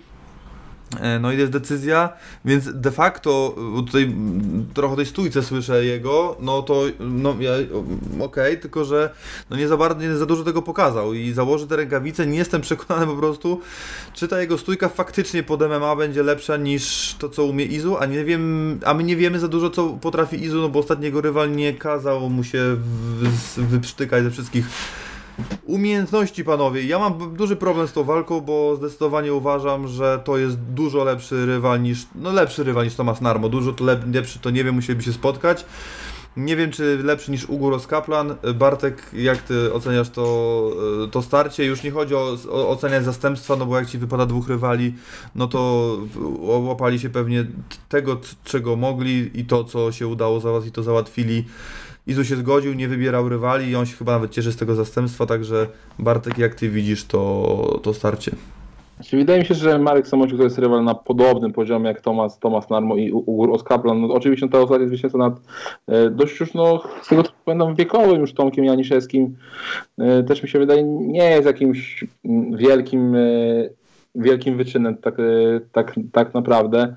E, Też e, nie wiemy, co, co potrafi Marek i mm, wydaje mi się, że ten ten pojedynek jest, będzie du, dużo łatwiejszy dla Izu niż y, wielu, wielu myśli. Ja wczoraj na Twitterze już od kilku osób czy, czy czytałem, że Samoczyk to jest świe- świetny zawodnik, po- postawić, postawić Izu.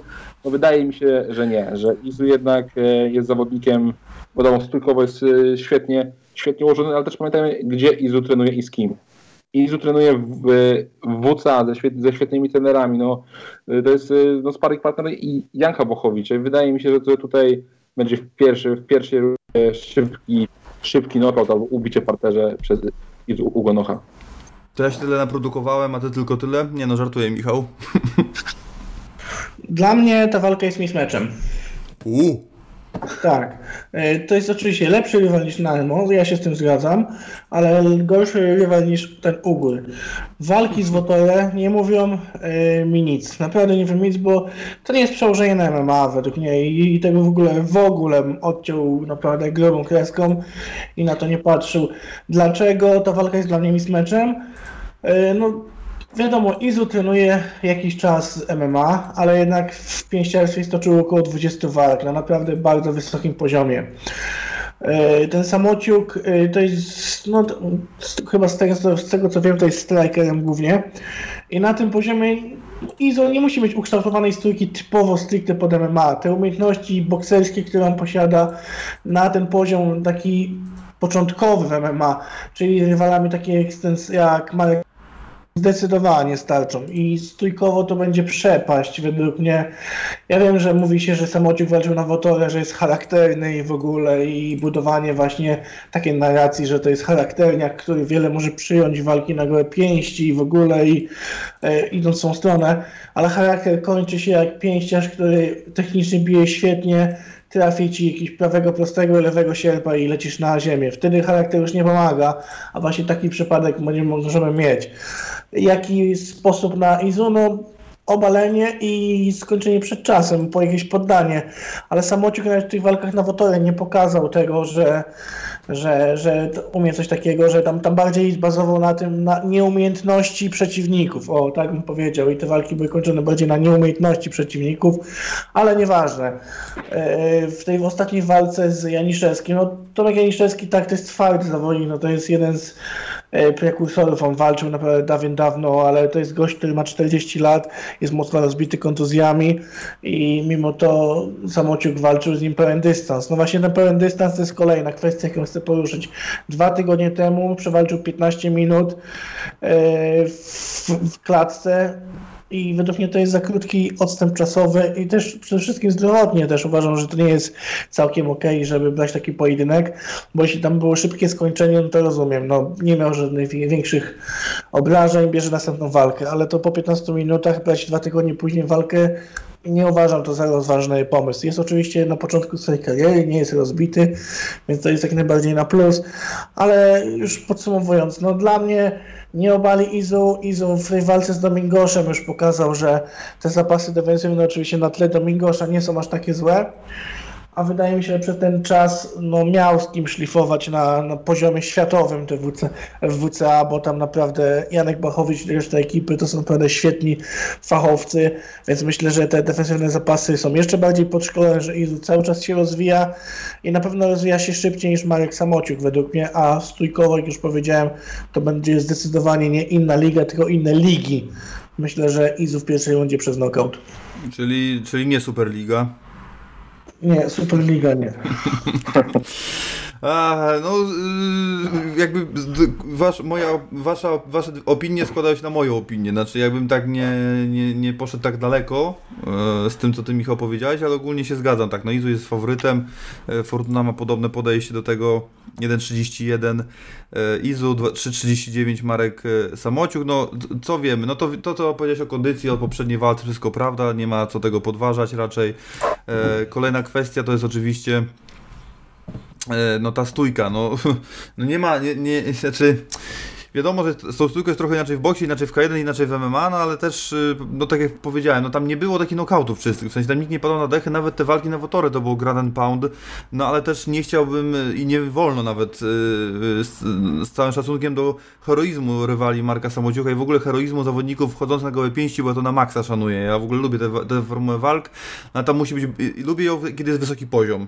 W Polsce tego wysokiego poziomu na gołe pięści po prostu nie ma, bo jest inny dobór rywali, innym kluczem się idzie. E, mi ten klucz nie odpowiada i no ja mogę oglądać Kubiszyna i Zadymę Gromackiego, natomiast cała reszta, zawodnicy MMA, nie, takie Czarek Olejsieczuk, czy Klaudia Syguba, czy Michał Pasternak po prostu nie używali e, pięści praktycznie. Oni szli i wygrywali te walki przez poddania, więc więc to tyle, jeżeli chodzi o to. Jest ci rywale, których, którymi wygrywał, a dalej przez Grand Pound, a nie przed po knockoutach, jednak Marka mnie nie przekonują, mimo wszystko. Natomiast e, też trzeba pamiętać o tym, że on no, ma szansę życia, to nie będzie Ergo Arena, bo jakby to była Ergo Arena, to ja w ogóle się sekundy nie zastanawiał nad typem. Nie, wie, nie, nie jestem po prostu w stanie uwierzyć, że Marek byłby w stanie dźwignąć e, 15 tysięcy osób. W tym wypadku sytuacja jest zupełnie inna, bo dokładnie wejdzie do tej, do, nie do tej samej klatki, ale do takiej samej klatki praktycznie w tym samym miejscu dwa tygodnie później. No jest po prostu, e, tu też nie musimy robić tej wagi, bo on tej, ta, i tak jest po, nie, niewiele ponad limit zdaje się, daleko mu do 120 kg, o ile dobrze pamiętam, e, także tutaj na pewno nie, nie będzie problemu, no ale nie sądzę, że kondycyjnie wytrzyma Izu 15 minut, jeżeli w ogóle do tej ta walka tyle potrwa. E, e, i no i ta stójka też jest na pewno na korzyść Izu, e, no jedyne co, no to szukanie jest jakby parteru i poddania, to w tą stronę trzeba byłoby iść. No zobaczymy, to też dowiemy się dużo, znaczy tak sądzę, albo mam nadzieję może bardziej, że dowiemy się po prostu Izu więcej, no bo tu dużo powiedziałeś o Marku, jakby tych takich różnicach, tylko że jeszcze nie za wiele w ogóle zobaczyliśmy w wykonaniu Izu i, i, i też Marek aż tak dużo nie pokazał w MMA, także to jest taka walka, no wiesz, oni mają cztery walki w MMA razem, więc jakby to, to, to nie, nie, nie skazywałbym Marka na pożarcie po prostu, bo się może okazać, że tam, jak to mówi Gamer, jedna babka wejdzie i będzie po temacie. Zobaczymy, no. I, jedna rzecz też, bo do, tego chciałem jeszcze, jeszcze chciałem ten temat poruszyć, bo jakieś takie, nie wiem, jakieś oburzenie w środowisku, znaczy nie oburzenie w środowisku, wśród fanów może bardziej, bo środowisko to właśnie to, co Bartek mówi o tym Twitterze, to dość ciepło przyjęło tą zmianę, a jest, wiesz, Tomas Narmo, jakby, no wiesz, jest imię, nazwisko, jest wiking, jest ta historia, to zostało kupione momentalnie. Nikt nie sprawdzał, że tam jest 4-0, nie sprawdzał z kim, nie sprawdzał jak, tylko jest Tomas Narmo, brzmi to dobrze, jest garnitur Viking, jest face to face, fajnie. No nie, nie jest fajnie, to jest zawodnik, który nie ani na Wotorę Markiem nie wygrał, ani na Gromdzie, ani na Gołe Pięści, na Genesis, ani na Fame też by z nim nie wygrał, ani jakby miał 3 na 2 też by pewnie się nie udało. I, I ja uważam, że to jest dobra zmiana. Dużo osób też uważa, że jest lepszy niż Uguro Kaplan. No może zobaczymy kiedyś takie zestawienie. Ale do, dość chłodno zostało to przyjęte. No Michał, już trochę o tym powiedziałeś, to Bartek Ciebie zapytam.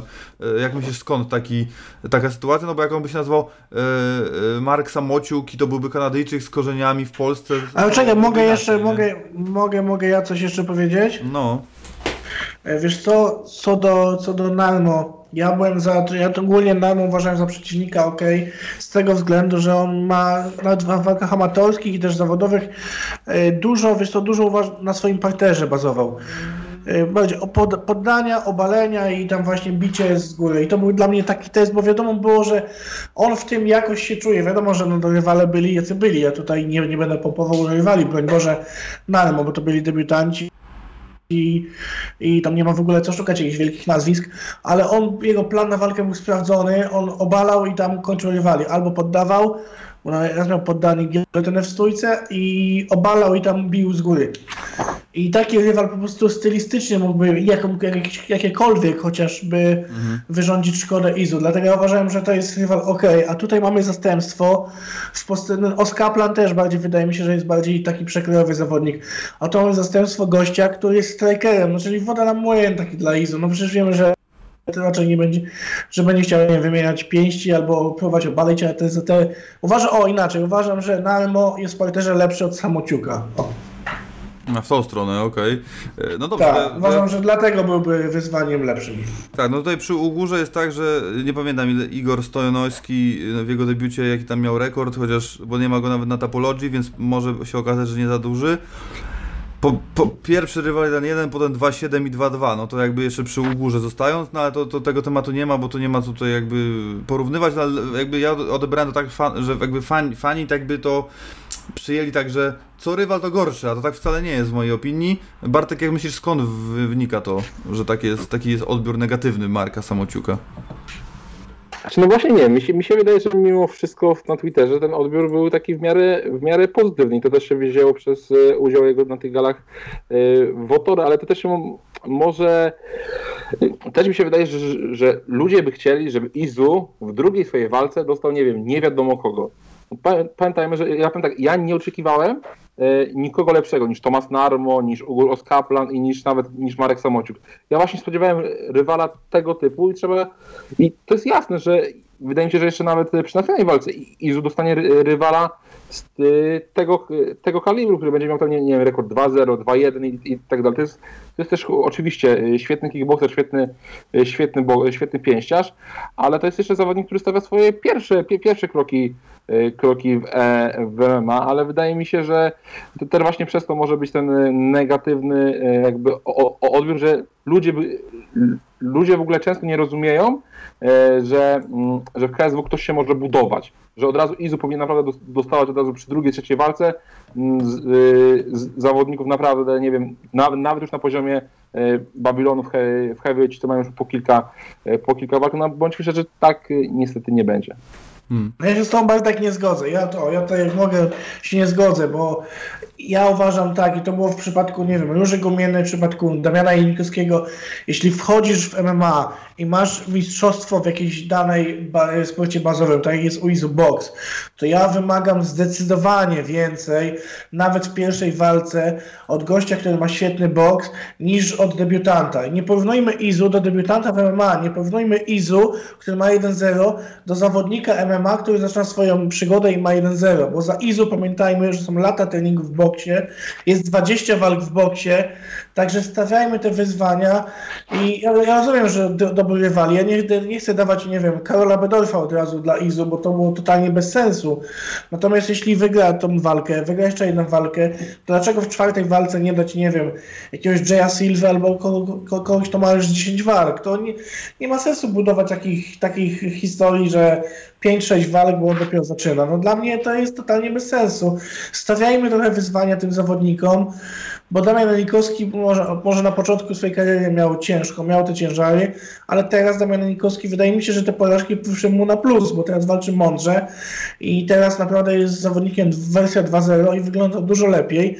Ja życzyłbym sobie, żeby większość zawodników miała takie właśnie cięższe, cięższe przeboje, nie, nie miała tak, nie wiem, 5-0 zbudowanego i wielkie tam historie niepokonane. Niech mają te porażki, niech się nauczą tego sportu, bo według mnie to jest lepsze dla tego zawodnika, aniżeli takie hodowanie, bo to jest totalnie bez sensu i to się mija z celem. Druga walka oczywiście, jasna sprawa, ja to rozumiem ale w, w, kolejnych walkach ja liczę na konkretniejsze wyzwania, bo te, ta walka z, z Samociukiem, jeśli oczywiście wygra, no to dla mnie nie będzie jakimś wielkim wyzwaniem.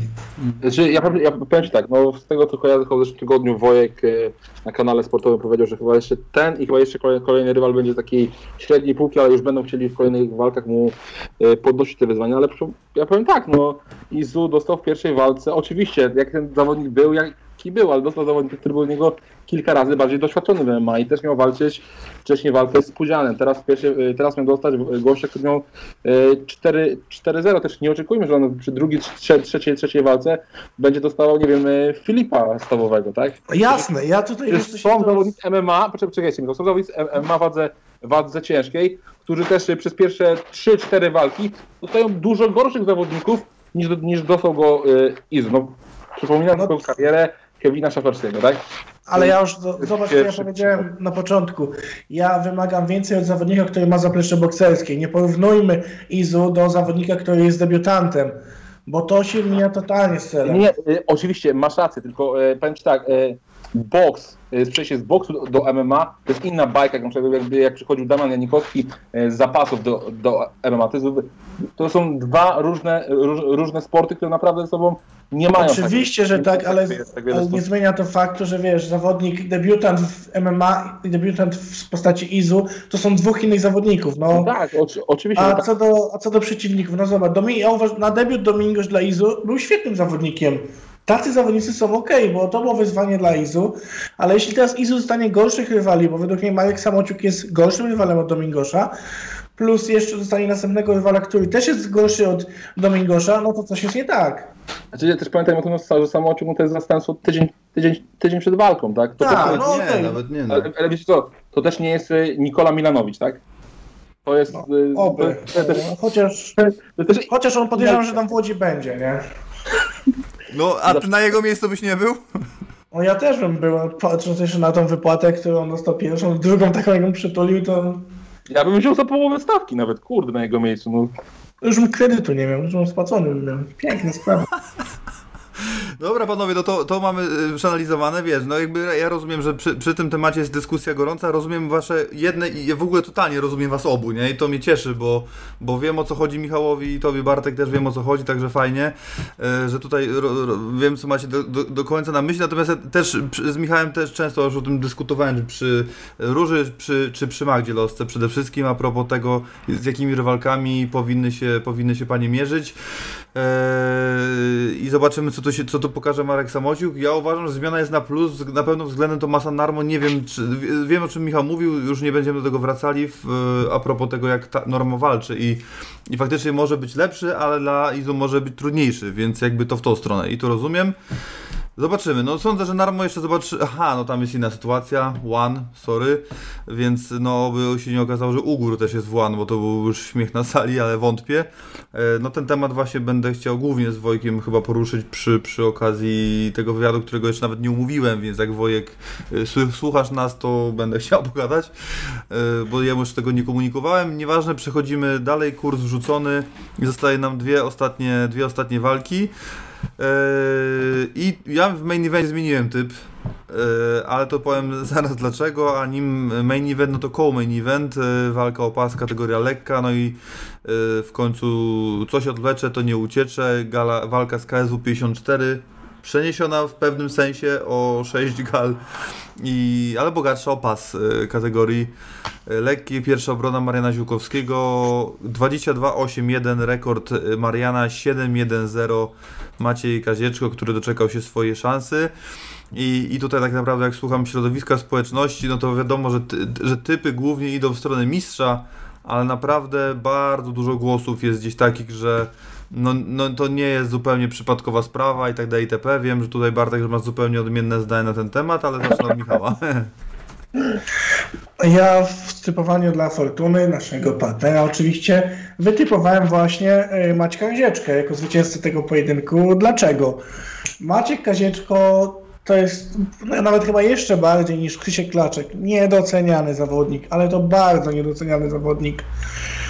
E, Przede wszystkim kickboxer, naprawdę dobry, ale to dobry kickboxer, klasowy i ma nokautujący cios, co jest mega ważne. Marian ciosu nokautującego nie ma. I to może być naprawdę bardzo, bardzo ważne w tym pojedynku, bo jednym ciosem yy, Kazieczką może wyłączyć prąd. Mega ważny czynnik to jest. Yy, odnośnie parteru, no Ankos MMA świetne zapasy i ta baza zapaśnicza naprawdę jest bardzo dobra, przede wszystkim defensywna, ale też i w ofensywie potrafi Maciek zaskoczyć. Także Marianowi nie będzie łatwo tak obalić, nie będzie łatwo obalić yy, według mnie Kazieczkę, a jeśli walka będzie w stójce, według mnie faworytem jest yy, Maciek Kazieczko. Marian oczywiście, ta wersja jego 2.0 imponuje, naprawdę wygląda w tym WCA świetnie, ma te fajne te kopnięcia, dużo, dużo tych kopnięć w ostatniej walce było i to wyglądało naprawdę bardzo dobrze. Natomiast y, w walce z, z Kazieczką wydaje mi się, że on nie pozwoli sobie aż tak łatwo jak z Romanem, bo to jest zupełnie totalnie inny typ zawodnika. Warunki fizyczne będą oczywiście na korzyść Mariana, Natomiast ta walka w stójce będzie na korzyść po prostu Kazieczki. On dobrze czyta przede wszystkim błędy, widzi dużo luk przeciwnika i może naprawdę bardzo dobrze walczy na kontrze. I to jest coś, co Marian Ziłkowski wydaje mi się, że jeszcze nie do końca w tej stójce aż tak dobrze robi, czyli umiejętność defensywna bo on też potrafi dużo czasu przyjąć, dużo oczywiście oddać, jest mega odporny i tutaj trzeba naprawdę Marianowi za to, naprawdę to, co może przyjąć, to postawić laurkę, bo naprawdę świetnie ta szczęka jest bardzo mocna. Ale ja myślę, że przez decyzję wygra Kazieczko. Wydaje mi się, że te trzy rundy, też będzie dystans 25 minut, co jest ważne. I wydaje mi się, że Kazieczko trzy rundy, te pierwsze trzy rundy może wygrać. Te dwie następne rundy będą dla Mariana, jednak Marian kondycyjnie stoi według mnie dużo lepiej. Przede wszystkim ten dystans nie powinien być dla niego problemem. Także w moich oczach faworytem tego pojedynku, co będzie dla niektórych zaskoczeniem, będzie Maciek Kazieczko właśnie przez te swoje defensywne zapasy i te zaplecze stójkowe, które jest przebogate. Hmm. Tutaj wiem, że przy poprzedniej walce otworzyłem dyskusję, tutaj dyskusji nie będę otwierał, także, bo wiem, że to potrwa za długo, Także po prostu każdy podaje swój typ i bardzo bym prosił, aby nie pertraktować tutaj i nie, nie do, do, dochodzić swoich praw, ponieważ na co innego jest walka Ugonok Samociuk, a co innego jest walka e, Kazieczko-Ziółkowski, więc tutaj naprawdę e, na tym poziomie to już może się wydarzyć wszystko. Walka Torres Saladin trochę to potwierdziła i nie tylko ta zresztą, bo mamy Taskan pewnie też. E, czy Solicz Materla, natomiast jakby wracając do, do, do tematu Bartek, jak ty to widzisz, bo Y, Marci, Michał mnie zaskoczył w zasadzie, wiem jaki jest twój typ, natomiast jakby tutaj, no, słucham. E, dobra, zgodnie z twoim życzeniem odpu odpuszczasz mówienie, dlaczego Maciek Kazieczko nie, według mnie nie zasłużył na walkę, na walkę bo to byśmy dyskutowali o tym e, do jutra.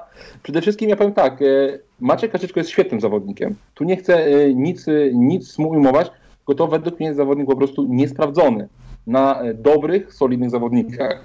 On, on, on oczywiście świetnie pokazał, pokazał się e, w pojedynku z, Micha z Michaelem Dubois, ale no już ostatnia walka, oczywiście wiadomo, to jest zastępstwo też tak nie można to liczyć zero-jedynkowo, ale z Kapotem też, tak, też to nie wyglądało tak, e, tak fenomenalnie, ale wiadomo, to rywal też na, na, na ostatnią chwilę. Że powiem tak, najpoważniejsze nazwisko, którym e, Maciej Kazieczko wygrał, to jest Bartek Kopera, a to, było, to było tam większo, większościowa decyzja. No, a chyba wiemy, wiem, wiemy obecnie, co Bartek Opera znaczy w zawodu e, Machła Montasma, tego skojarzę cztery porażki z rzędu. E, Marian, Marian to jest gość, który ma 30, ponad 30 pojedynków. E, to jest, to jest gość, który walczył dwukrotnie o pas, o pas FEN, który chyba z tego co kojarzę ma już chyba trzy walki na dystansie, trzy albo dwie na dystansie pięciu, pięciu rund.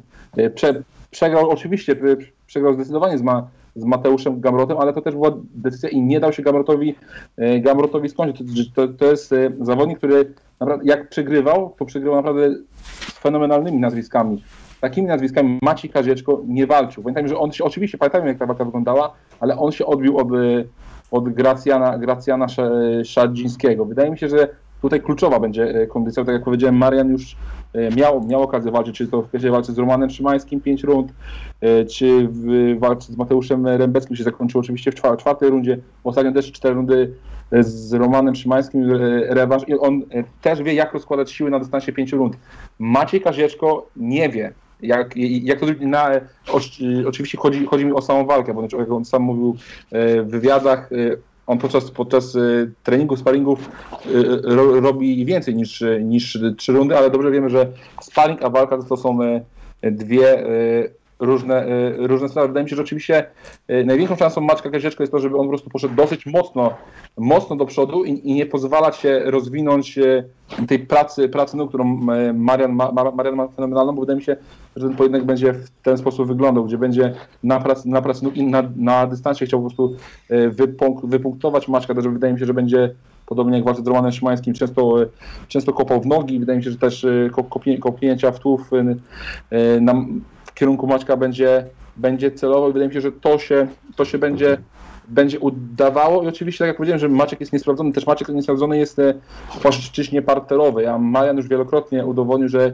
e, potrafi, potrafi mieszać stójkę, e, stójkę z parterem, dlatego no, dla mnie zdecydowanym fa fa faworytem jest e, e, Marian Ziółkowski, ale przy czym mówię, nie twierdzę, bo to już mm, przez, przez, przez, wiele osób jestem traktowany jako hejter Maczka, Maczka, Maczka Kadzieczki. Maciek naprawdę jest świetnym zawodnikiem, po prostu jest niesprawdzony i według mnie jest po prostu za wcześnie na taką walkę. Mhm.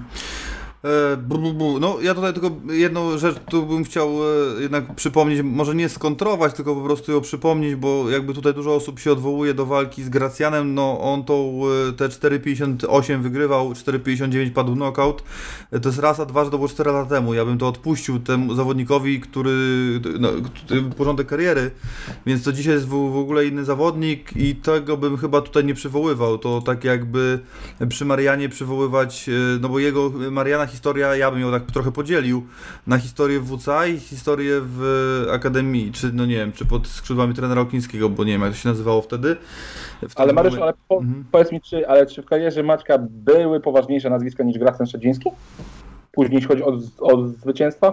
To, no to ciężko teraz ocenić, bo Gracjan Szczeciński nie pamiętam czy, jakby po tej walce, jak tam wyglądało, ale no nie, nie wyglądało to też najlepiej. Tam był Paul Redmond i potem ten Kornik, Genesis, także tak ciężko Już się mówię, Gra- odnieść. Do, do walki z, Kazie, z Kazieczką, on generalnie był Kazieczko, potem był Redmond, czyli to było tam trzy zwycięstwa z rzędu i dopiero potem był Ziółkowski i e, Kornik, nie?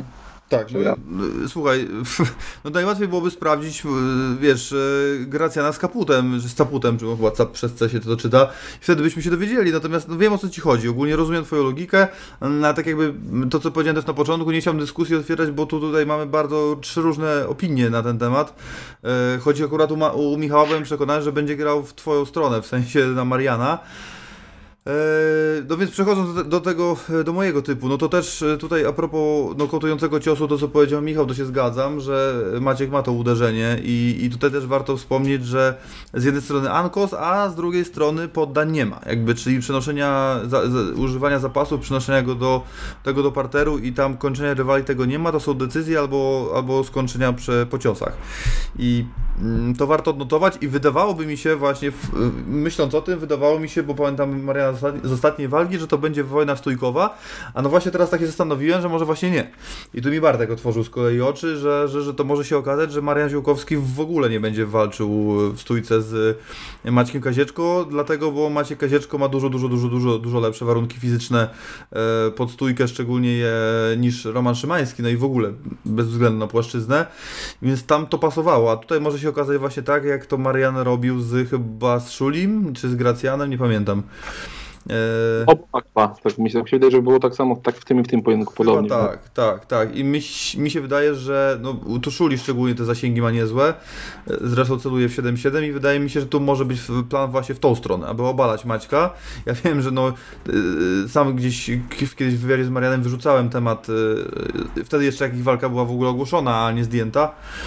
Że, to, że, że Ankos, natomiast no pytanie brzmi, jak dobrze broni obalny Maciek. Myślę, że dobrze, na pewno, że może być z tym problem, ale sądzę, że Marian jednak się pokusi o to i, i biorąc pod uwagę to, z kim sparuje, może to może to, może to wykorzystywać. Teraz tak się zastanawiam, trochę mi to zaburzyła, zaburzyły wasze, czy otworzyły może głowę na, na nowe rozwiązania w tej walce, bo chciałem mówić o walnie stójkowej, ale tak teraz się zastanawiam, czy to faktycznie może, może wyglądać trochę inaczej i mogą być dwa plany, A i B.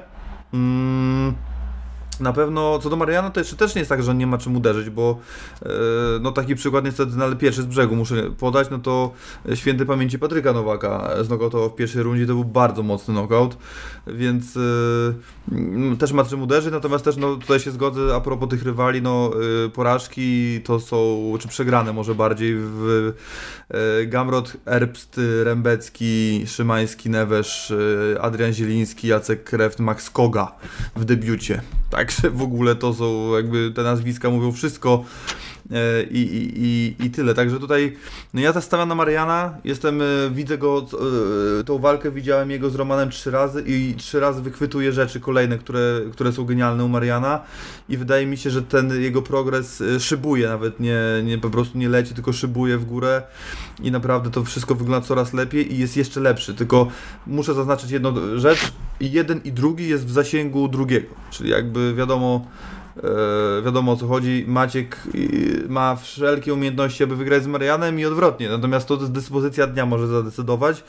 No i te game plany faktycznie, czy, czy, czy Maciek czego, czego się spodziewać, a może to w ogóle odwrotnie, jeszcze? Maciek będzie chciał obalać i, i kontrolować pojedynek, także yy, zobaczymy. No, w, w, dużym plusem dla Maćka Kazieczki z pewnością jest to, że trenuje, przygotowywał się, przygotowywał Dawida Śmiałowskiego i przygotowywał się z nim, a to jest zawodnik o bardzo zbliżonych warunkach do Mariana Ziłkowskiego, yy, o dobrej stójce, z dobrą stójką i taką też nie, zaskakującą, nieszablonową, yy, więc to na pewno mu pomogło.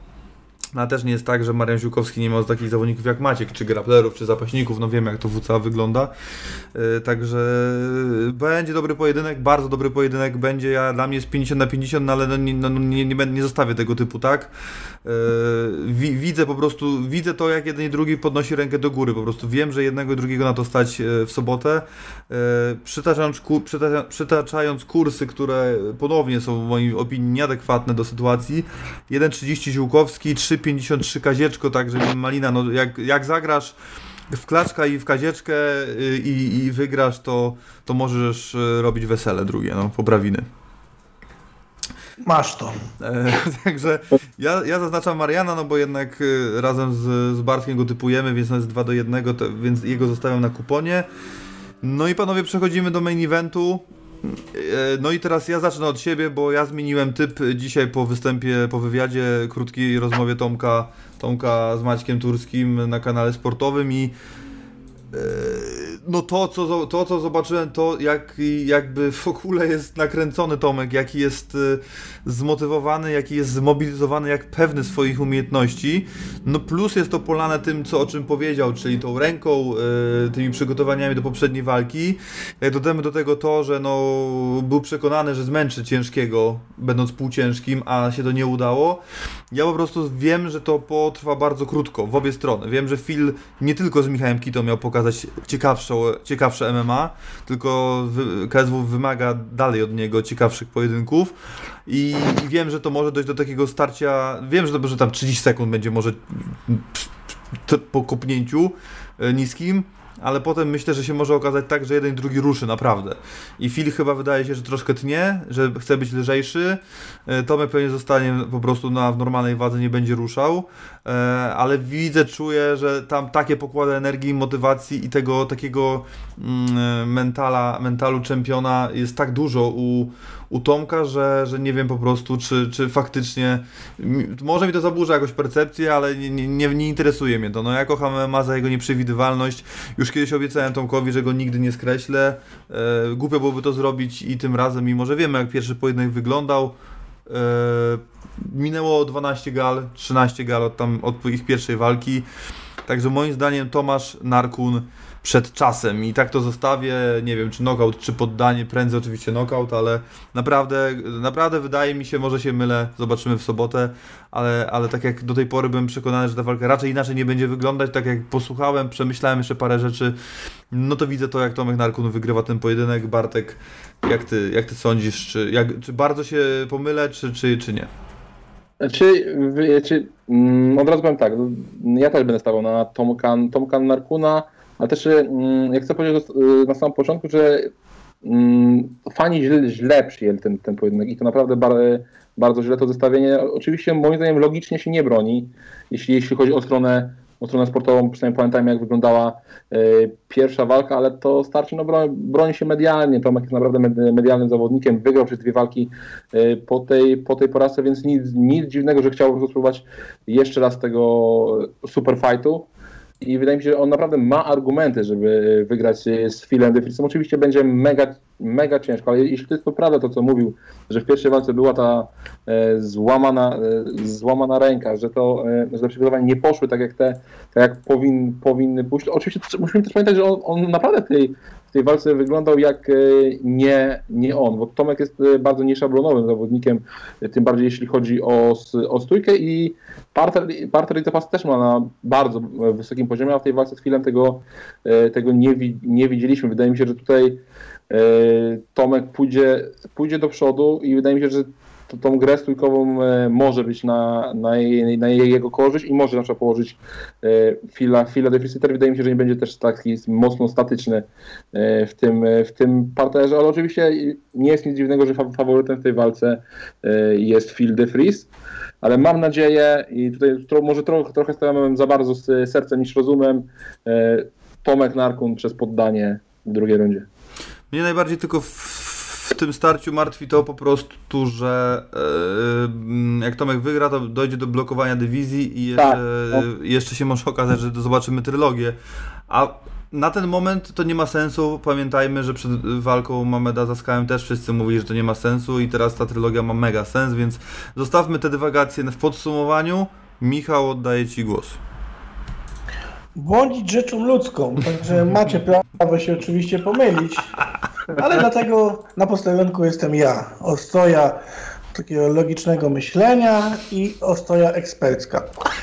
Ta walka nie ma sensu, zacznijmy od tego. Przez dwa lata za dużo się nie zmieniło. Tomek Narkon pokonał dwóch rywali, e, Phil DeFree pokonał dwóch rywali. Czy coś się w tej walce zmieniło? Czy Narkun jest jakiś dużo większy niż był? Czy poszedł do ciężkiej po to, żeby tam święcić sukcesy? Nie. Dalej jest półciężkim, który ma ochotę na pas ciężkiego. Walczy z gościem, który na co dzień waży 120 kg, który zbija do tej ciężkiej. Być może teraz poletnie kilogramy, ale to dalej będzie totalnie wielka przewaga kilogramów.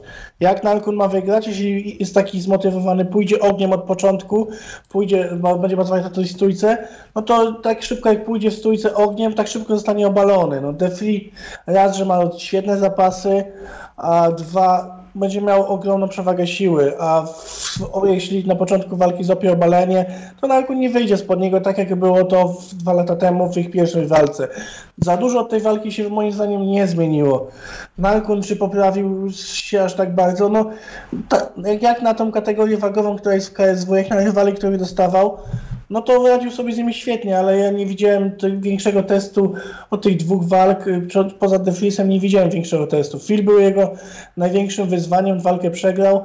Później te dwie następne walki to nie były wyzwanie dla Tomka Narkuna. Także ja nie wiem, czy tam jest duży progres, czy jest tylko progres trochę. Nie mam pojęcia. Dlatego bas, wydaje mi się, że De Vries spokojnie pokona tą, e, pokona drugi raz. E, Bartek mówił, że w tej pierwszej walce może coś z Tomkiem nie było nie tak, że to nie był ten Tomek. No nie był ten Tomek z tego względu, że totalnie go zdominował De Vries i Tomek nie miał podjazdu nawet przez chwilę. Jedyny jego moment, który miał, to była ta, ta gilotyna, ale to wydaje mi się, że też tam daleko było do odklepania. I uważam, że szansą dla Narkuna są właśnie te gilotyny, czy w którymś z obaleń złapie Defrisa i urwie mu głowę. I to, była, to będzie jedyna opcja, bo nie widzę jak z dołu, gdy Defris leży, on ma naprawdę ciasną kontrolę, trójkąt nogami, wydaje mi się, że nie wchodzi w grę. Stójkowo myślę, że Phil DeFries ma na tyle twardą głowę, że to jest zawodnik wagi ciężkiej, a Narkun to jest dalej półciężki, więc różnica kilogramów i odczuwalności ciosów jest naprawdę duża i nawet jak półciężki uderzy ciężkiego, to ciężki tego aż tak nie odczuje. Nie liczę na knockout, yy, na, na, na że Narkun znokautuje DeFriesa jednym ciosem, a musiałby być to jeden cios, bo jeśli pójdzie kanonem na ciosów, no to zanaukuje DeFries i spokojnie obali Narkuna. Podsumowując, ja nie wierzę, że w ciągu dwóch lat Narkut poczyni tak duży progres, żeby pokonać Phila DeFriesa. Myślę, że to będzie podobny pojedynek, a może być tak, że będzie skończenie przed czasem na korzyść Phila, z tego względu, że Narkun pójdzie ogniem i będzie chciał dążyć do skończenia i się wypompuje. A gdy się wypompuje wal, walcząc z ciężkim zawodnikiem, który ma więcej siły i jeszcze leży na tobie, no to może być naprawdę ciężko. Także mój typ to jest Phil DeFries TKO czwarta runda. No, ależ ciekawie. Yy, no dobrze. Dojechaliśmy do końca, tak to zostawimy. Nie, nie, nie, nie zamierzam podważać yy, w starciach mistrzowskich niczyjego zdania, ponieważ yy, każde, każda opinia jest tutaj uzasadniona i o tyle, o ile gdzieś tam niżej możemy się spierać bardziej, bo, bo nie raz, nie dwa widzieliśmy pomyłki, tak tutaj myślę, że może jedne, jedna i druga strona może mieć rację, natomiast oczywiście więcej logiki jest Michał, znaczy logiki takiego. Ja, ja, ja od razu powiedziałem na samym początku, jakby ja podchodzę do tego fanowsko. To jest typ fanowski. E, logicznie wiem, że jest duża szansa, że to, że to tak, e, że może podobnie wyglądać, w sensie, że nie, nie ugra Tomek rundy, tylko Tomek właśnie nie chce tych rund ugrywać. Może być z tymi sprowadzeniami w ten sposób, natomiast też wiemy, że Tomek ma parter dobry z pleców, dużo się może wydarzyć, dużo, się, dużo może się zmienić.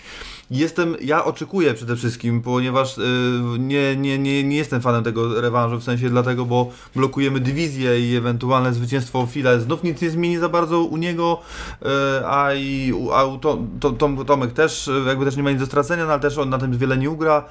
Ja bym jednak wolał, żeby KSW się bardzo mocno postarało i ściągnęło im rywali na poziomie, który, takich, którzy mi się postawią i, i, i zablokował po prostu ten super fight między tą a tą kategorią w tym układzie, no bo no bo tak po prostu I, i chciałbym, żeby tego było tych mniej tych super fightów e, dopiero wtedy, kiedy sytuacja jest naprawdę podbramkowa. No takich sytuacji podbramkowych aż, aż, aż tak dużo nie ma, no ja wiem, że mają długo te pasy, ale jednak wolałbym, żeby grali w swoich dywizjach i tyle. I, i, i tutaj się nic nie zmienia, no ale e, wytypować trzeba, wytypowaliśmy, no ale finalnie, finalnie dwa głosy. Dwa głosy Tomka Narkuna, no mój fanowski głos przeważył i, i, i tak wygląda kupon jak wygląda, a kurs jeszcze dla przypomnienia 1,80 De Vries, 2,01 Tomek Narkun, tutaj mm, no pewnie no opłaca się, znów opłaca się zagrać na underdoga, tak przynajmniej mi się wydaje. Też bym przejrzał jeszcze te specjalne kursy, bo tam może coś no, To się chyba się nie opłaca zagrać na underdoga, bo różnica nie jest tak duża, a niespodzianka jest mała, że, że tak będzie. Te kursy są, tutaj znowu kursy według mnie są złe, bo większym faworytem jest The Freeze, a tam w innych kurs, w innych walkach mieliśmy, no to były po prostu rozstrzelane te kursy były na jedną albo drugą stronę za bardzo. Tu znowu jest za blisko według mnie. Ja Ale tu też, tu też jest oceniane po prostu, że Tomek jest mistrzem z wagi, e, wagi półciężkiej. Wydaje mi się, że to jest głównie miara, dlatego dlaczego ten kurs jest taki, jest taki wyrównany. Ja bym zagrał, y, tu polecę, przejdę do kursów specjalnych y, przy walce wieczoru. Y, może nawet na stałe wprowadzimy taki cykl, żeby każdy wybrał jakiś zakład specjalny. Was już nie będę męczył, no bo wymyśliłem to przed sekundą. E, a i może to głupi pomysł jest w ogóle, ale wydaje mi się, że liczba rozpoczętych rund mniej więcej, tu bym ruszał, te kursy bym ruszał i bym zagrał, że walka potrwa mniej niż 3,5 rundy. Czyli do a ja mam takie rundy pytanie tylko, czy, czy na tą walkę przewidywane jest Nikola jako zastępstwo? Mam nadzieję. No ja Main event ciężki w końcu. To tak. Ja myślę, że jak dali chłopu szansę raz, to powinni dać mu szansę się odkuć. Mo sprawiedliwość. Uratował ich. Są mu coś winni. No, przecież KSW nie, nie popisuje zawodników na, jed, na jedną walkę, więc powinien kontrakt ma. No właśnie, powinni dać drugą szansę. To ja zapytam inaczej, bo w zasadzie ten temat mógłby być tutaj śmiało poruszony. Eee, czy KSW powinno mieć e, gotowe zastępstwo? Powinno mieć. Tak, oczywiście. A takie, Nikola Milanowicz. W sensie, w sensie nie, nie chodzi mi o chłopa, który, tak jak Glover, ale takiego, który jest w stanie po prostu w dniu gali dojechać i wejść. Nie, no tak serio, no, wiesz to według mnie to powinien być od piątku już taki zawodnik. W razie czego. Mhm, czyli ala Glover, czyli takie jawne, no, znaczy tak, jawne, no, tak, tak. No. po prostu gotowe, okej, na, na miejscu, tak? Więc no, po, tym, Tak. po tym, co się wydarzyło na ostatniej gali, wydaje mi się, że KSW, jeśli chodzi o walkę wieczoru, powinno mieć zastępstwo na każdej gali. Ponieważ to, to, to odbiło mi się bardzo źle medialnie i no, wydaje mi się, że nie, nie mogą sobie na coś takiego drugi raz pozwolić. Mm. To prawda, to prawda.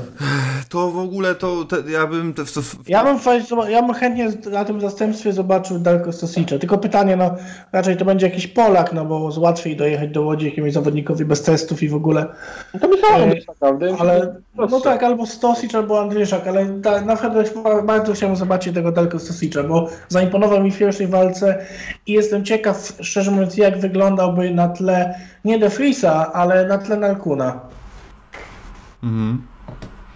No dobrze, y, to, tego, no to, to, to też jest fajny temat, żeby, żeby o to zapytać, więc kolejny temat do tego, aby poruszyć go, poruszyć go z Wojkiem. Gaszę, gaszę kursy, to tylko do, dodam, że zadyszkę 776 zł, więc y, potężnie, potężny, potężny pieniądz, także gorąco, gorąco polecam zagrać w naszego partnera Fortuny, tam macie bonus, jak ktoś jeszcze nie grał, nie ma konta, to na dole w komentarzach znajdziecie, znajdziecie bonus i oczywiście link do pay-per-view, bo inaczej jak, jakby, jak to obejrzeć, nie da rady.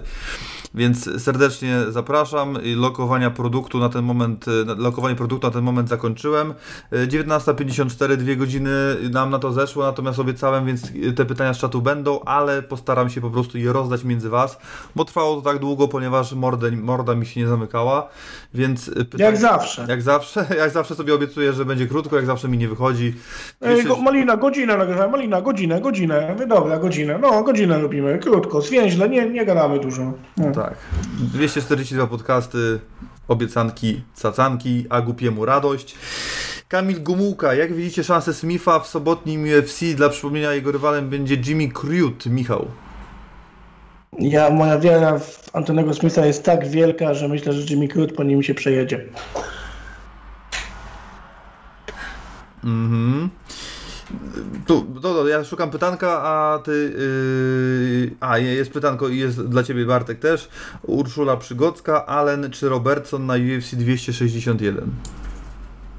Wow, wydaje mi się, że e, Allen. Ja w ogóle bardzo bym chciał zobaczyć je i nie chcę tu oczywiście jego rewanż e, z Seanem Stricklandem.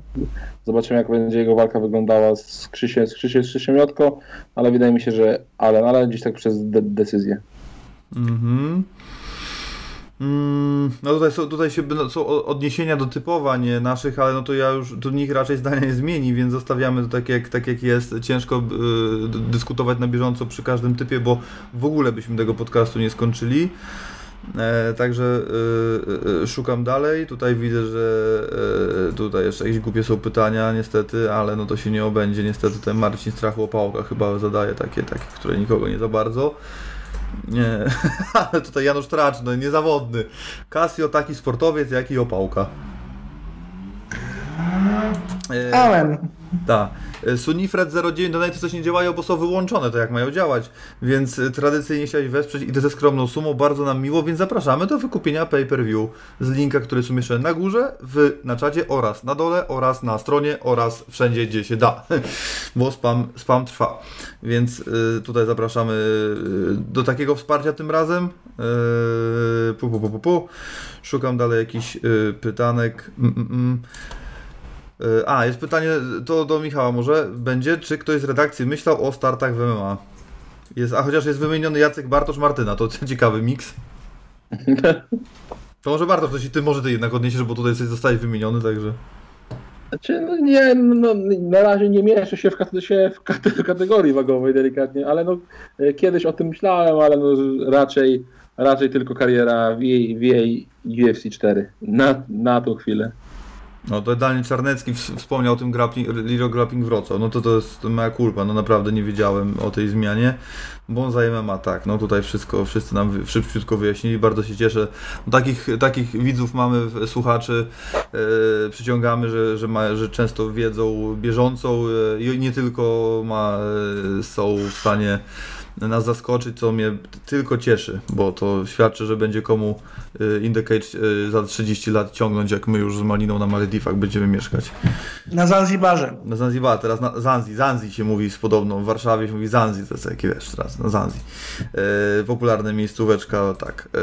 E, szukam dalej pytanek, no bo to tak jak nam obiecali, to nikt nas nie oznacza, więc mm, panowie Bartek Prince siema pozdro, siema, siema, siema. Szukam, e, ale nie mogę kurczę znaleźć. Bo tutaj nikt nas nie oznacza. Kurczę, kurczę, kurczę.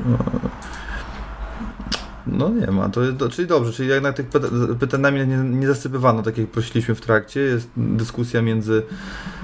y, tutaj chyba, to podejrzewam, że to już do tego doszło, ale Zbigniew Pyka chyba tutaj powinien dostać ban. Nie wiem, czy dostał.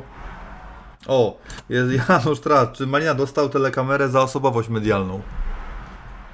Tak, 2002 rok. Na scenie stałem z Markiem Mostowiakiem wtedy. Su, super telekamerę dostaliśmy. Tak, to prawda. Miało miejsce coś takiego. Miało miejsce coś takiego. Yy, Mariusz, kiedy nagracie Q&A wideo z wami? O, Q&A, ale to takie, że zbieramy pytania, a my potem odpowiadamy na wideo. Yy, Ty, możemy, możemy nagrać na Krwawym Sporcie. no tak, 8 maja, bo będziemy się widzieć, zdaje się. Tak. No tak, ale to możemy pogali nagrać, to będzie lepsze wtedy.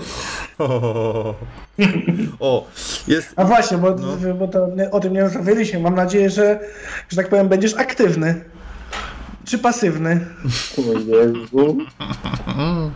Aktywny. To, do- no, no, no. no to Dziewiątego dobrze, to powrót, ale, ale aktywny. Ale to Yy, Martyna prowadzi, także. Tak jest. Yy, wró- cofam, się, cofam się do góry, nie wiem, tak można powiedzieć, ale chyba można. Jaki typ na walkę Zank na Majunas? No dobra, to, to, to, zrobimy tak. Przegadamy te, bo to nie wypadałoby o tym nie powiedzieć. Szybko przegadamy Usman, Masvidal, Zank na Majunas, Szewczenko, Andraży, panowie typy i kończymy podcast. Pierwszy Bartek. E, Tutaj e, Masvidal, e, Usman.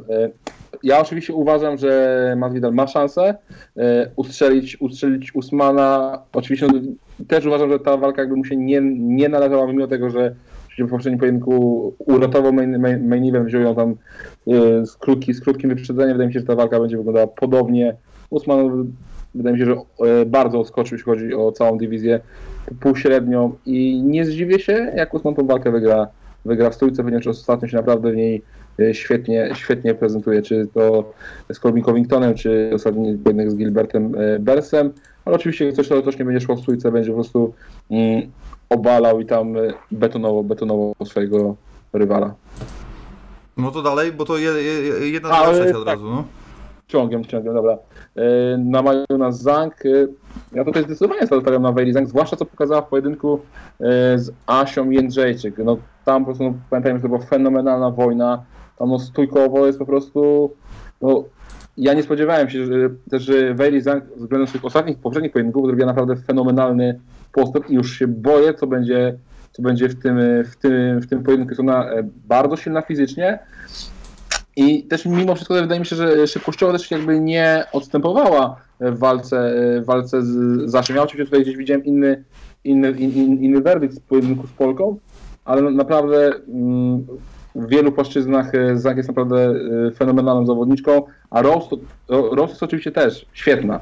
E, Też jej ta szczególnie praca w dystansie, praca nóg i to, co, to, to, to, to, co ona prezentuje w swoich pojedynkach jest oczywiście super, ale w rewanżu z Jessica Andrade no, mi się nie podobało, to zwłaszcza gdzieś tam e, w drugiej połowie drugiej rundy i w trzeciej rundzie, gdzie no, dawała się trafiać e, takimi, mm, takimi kombinacjami bokserskimi, no, które e, no, były troszeczkę niechlujne i jeśli sobie pozwoli na coś takiego ze strony Zank, to możemy zobaczyć gdzieś knockout do, trzeci, do, trzeci, do trze, trzeciej, trzeciej rundy. Wydaje mi się, tutaj według mnie Zank jest ogromną faworytką. E, ostatni pojedynek z trzech, no to jest Walentyna Szewczenko. Jessica Andrade, no wydaje mi się, że tutaj e, mm, Szewczenko nie będzie ryzykowała, będzie sobie spokojnie jakby pykała ten, ten pojedynek, pojedynek w trójce będzie, u, będzie unikała, unikała parteru i zobaczymy, decyzję. Wydaje mi się, że tak po średnim, po średnim widowisku, ale decyzja na rzecz aktualnej mistrzyni wagi muszej. Mhm. No to ja skrócę, bo ja to myślę, że będzie tak e, krótki, e, e, analiza, taka półanaliza wyszła z tego, no więc ja po prostu skrócę to trzy razy and still. Michał? Ja nie, ja tutaj będę miał kilka słów. Odnośnie walki Masvidal-Usman, to większy sens niż to starcie, to ma już nawet powód Sławomira Duby do polskiego kickboxingu. Że totalny absurd, nie, nie wiem w ogóle, nie rozumiem tego, no absurd, głupota i mógłbym tutaj 26 wyrazów blisko znacznych użyć odnośnie tego pojedynku. Usman, no zrobi to samo co w pierwszej walce, a wydaje mi się, że nawet pokusi się o stójkę, bo on się cały czas rozwija i ta jego stójka jest coraz lepsza.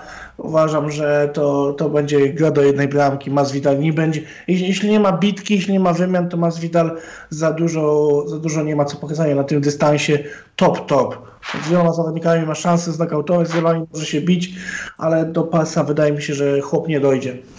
Y, Odnośnie walki Zhang na Majunas, jeśli na Majunas będzie w stanie przełożyć na 25 minut pracy nóg, jakiej pokazała w tej pierwszej rundzie w walce z Andrasz, kiedy ona tam w tej pierwszej rundzie no, dominowała i ośmieszała praktycznie na nogach Jessica, jeśli będzie umiała przełożyć to na walkę z Zhang, ale w ciągu pięciu rund, to ona ośmieszy Weili Zhang, ja uważam.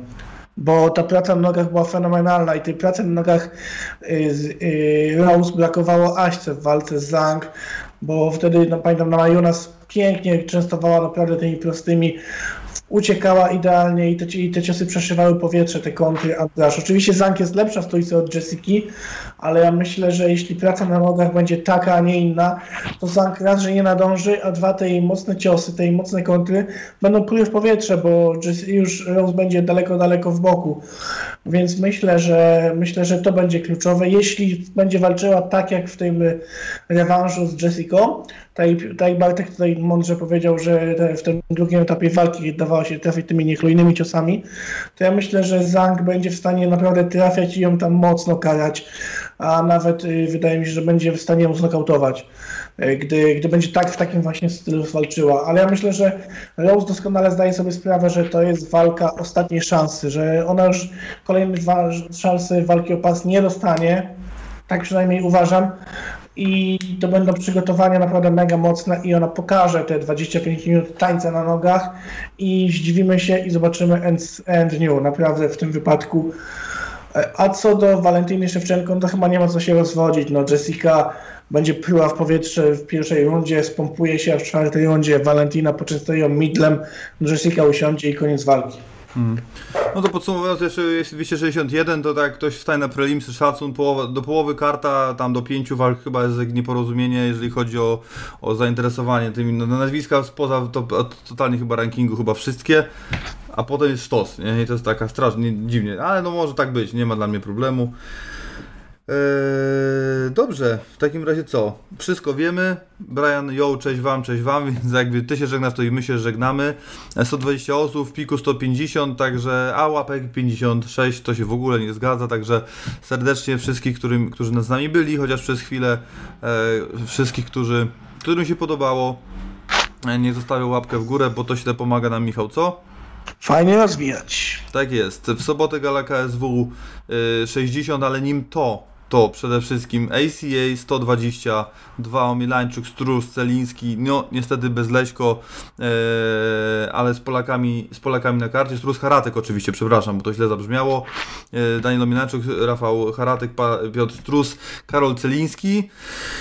Do tego dochodzi oczywiście później Marcin Held e, w PFL-u, odsypiamy, wstajemy na KSW, a potem e, lecimy z UFC 261, także dla każdego fana MMA naprawdę napakowany na bardzo wysokim poziomie weekend, także wszystkim życzę udanych gal, wysokich wygranych, e, bądźcie z nami od samego, od, od jutra już wjeżdżamy na pełnej, od rana jesteśmy w Łodzi, lecimy z Media Dayem, 18 wywiadów co pół godziny, także subskrybujcie, subskrybujcie na kanał, nasz kanał wpadajcie na Twitter, wpadajcie na Instagram, wpadajcie na grupę MMA Polska i Świat, wpadajcie na fejsika naszego, na stronę też. Przede wszystkim ostatnio bardzo dużo Was przybyło.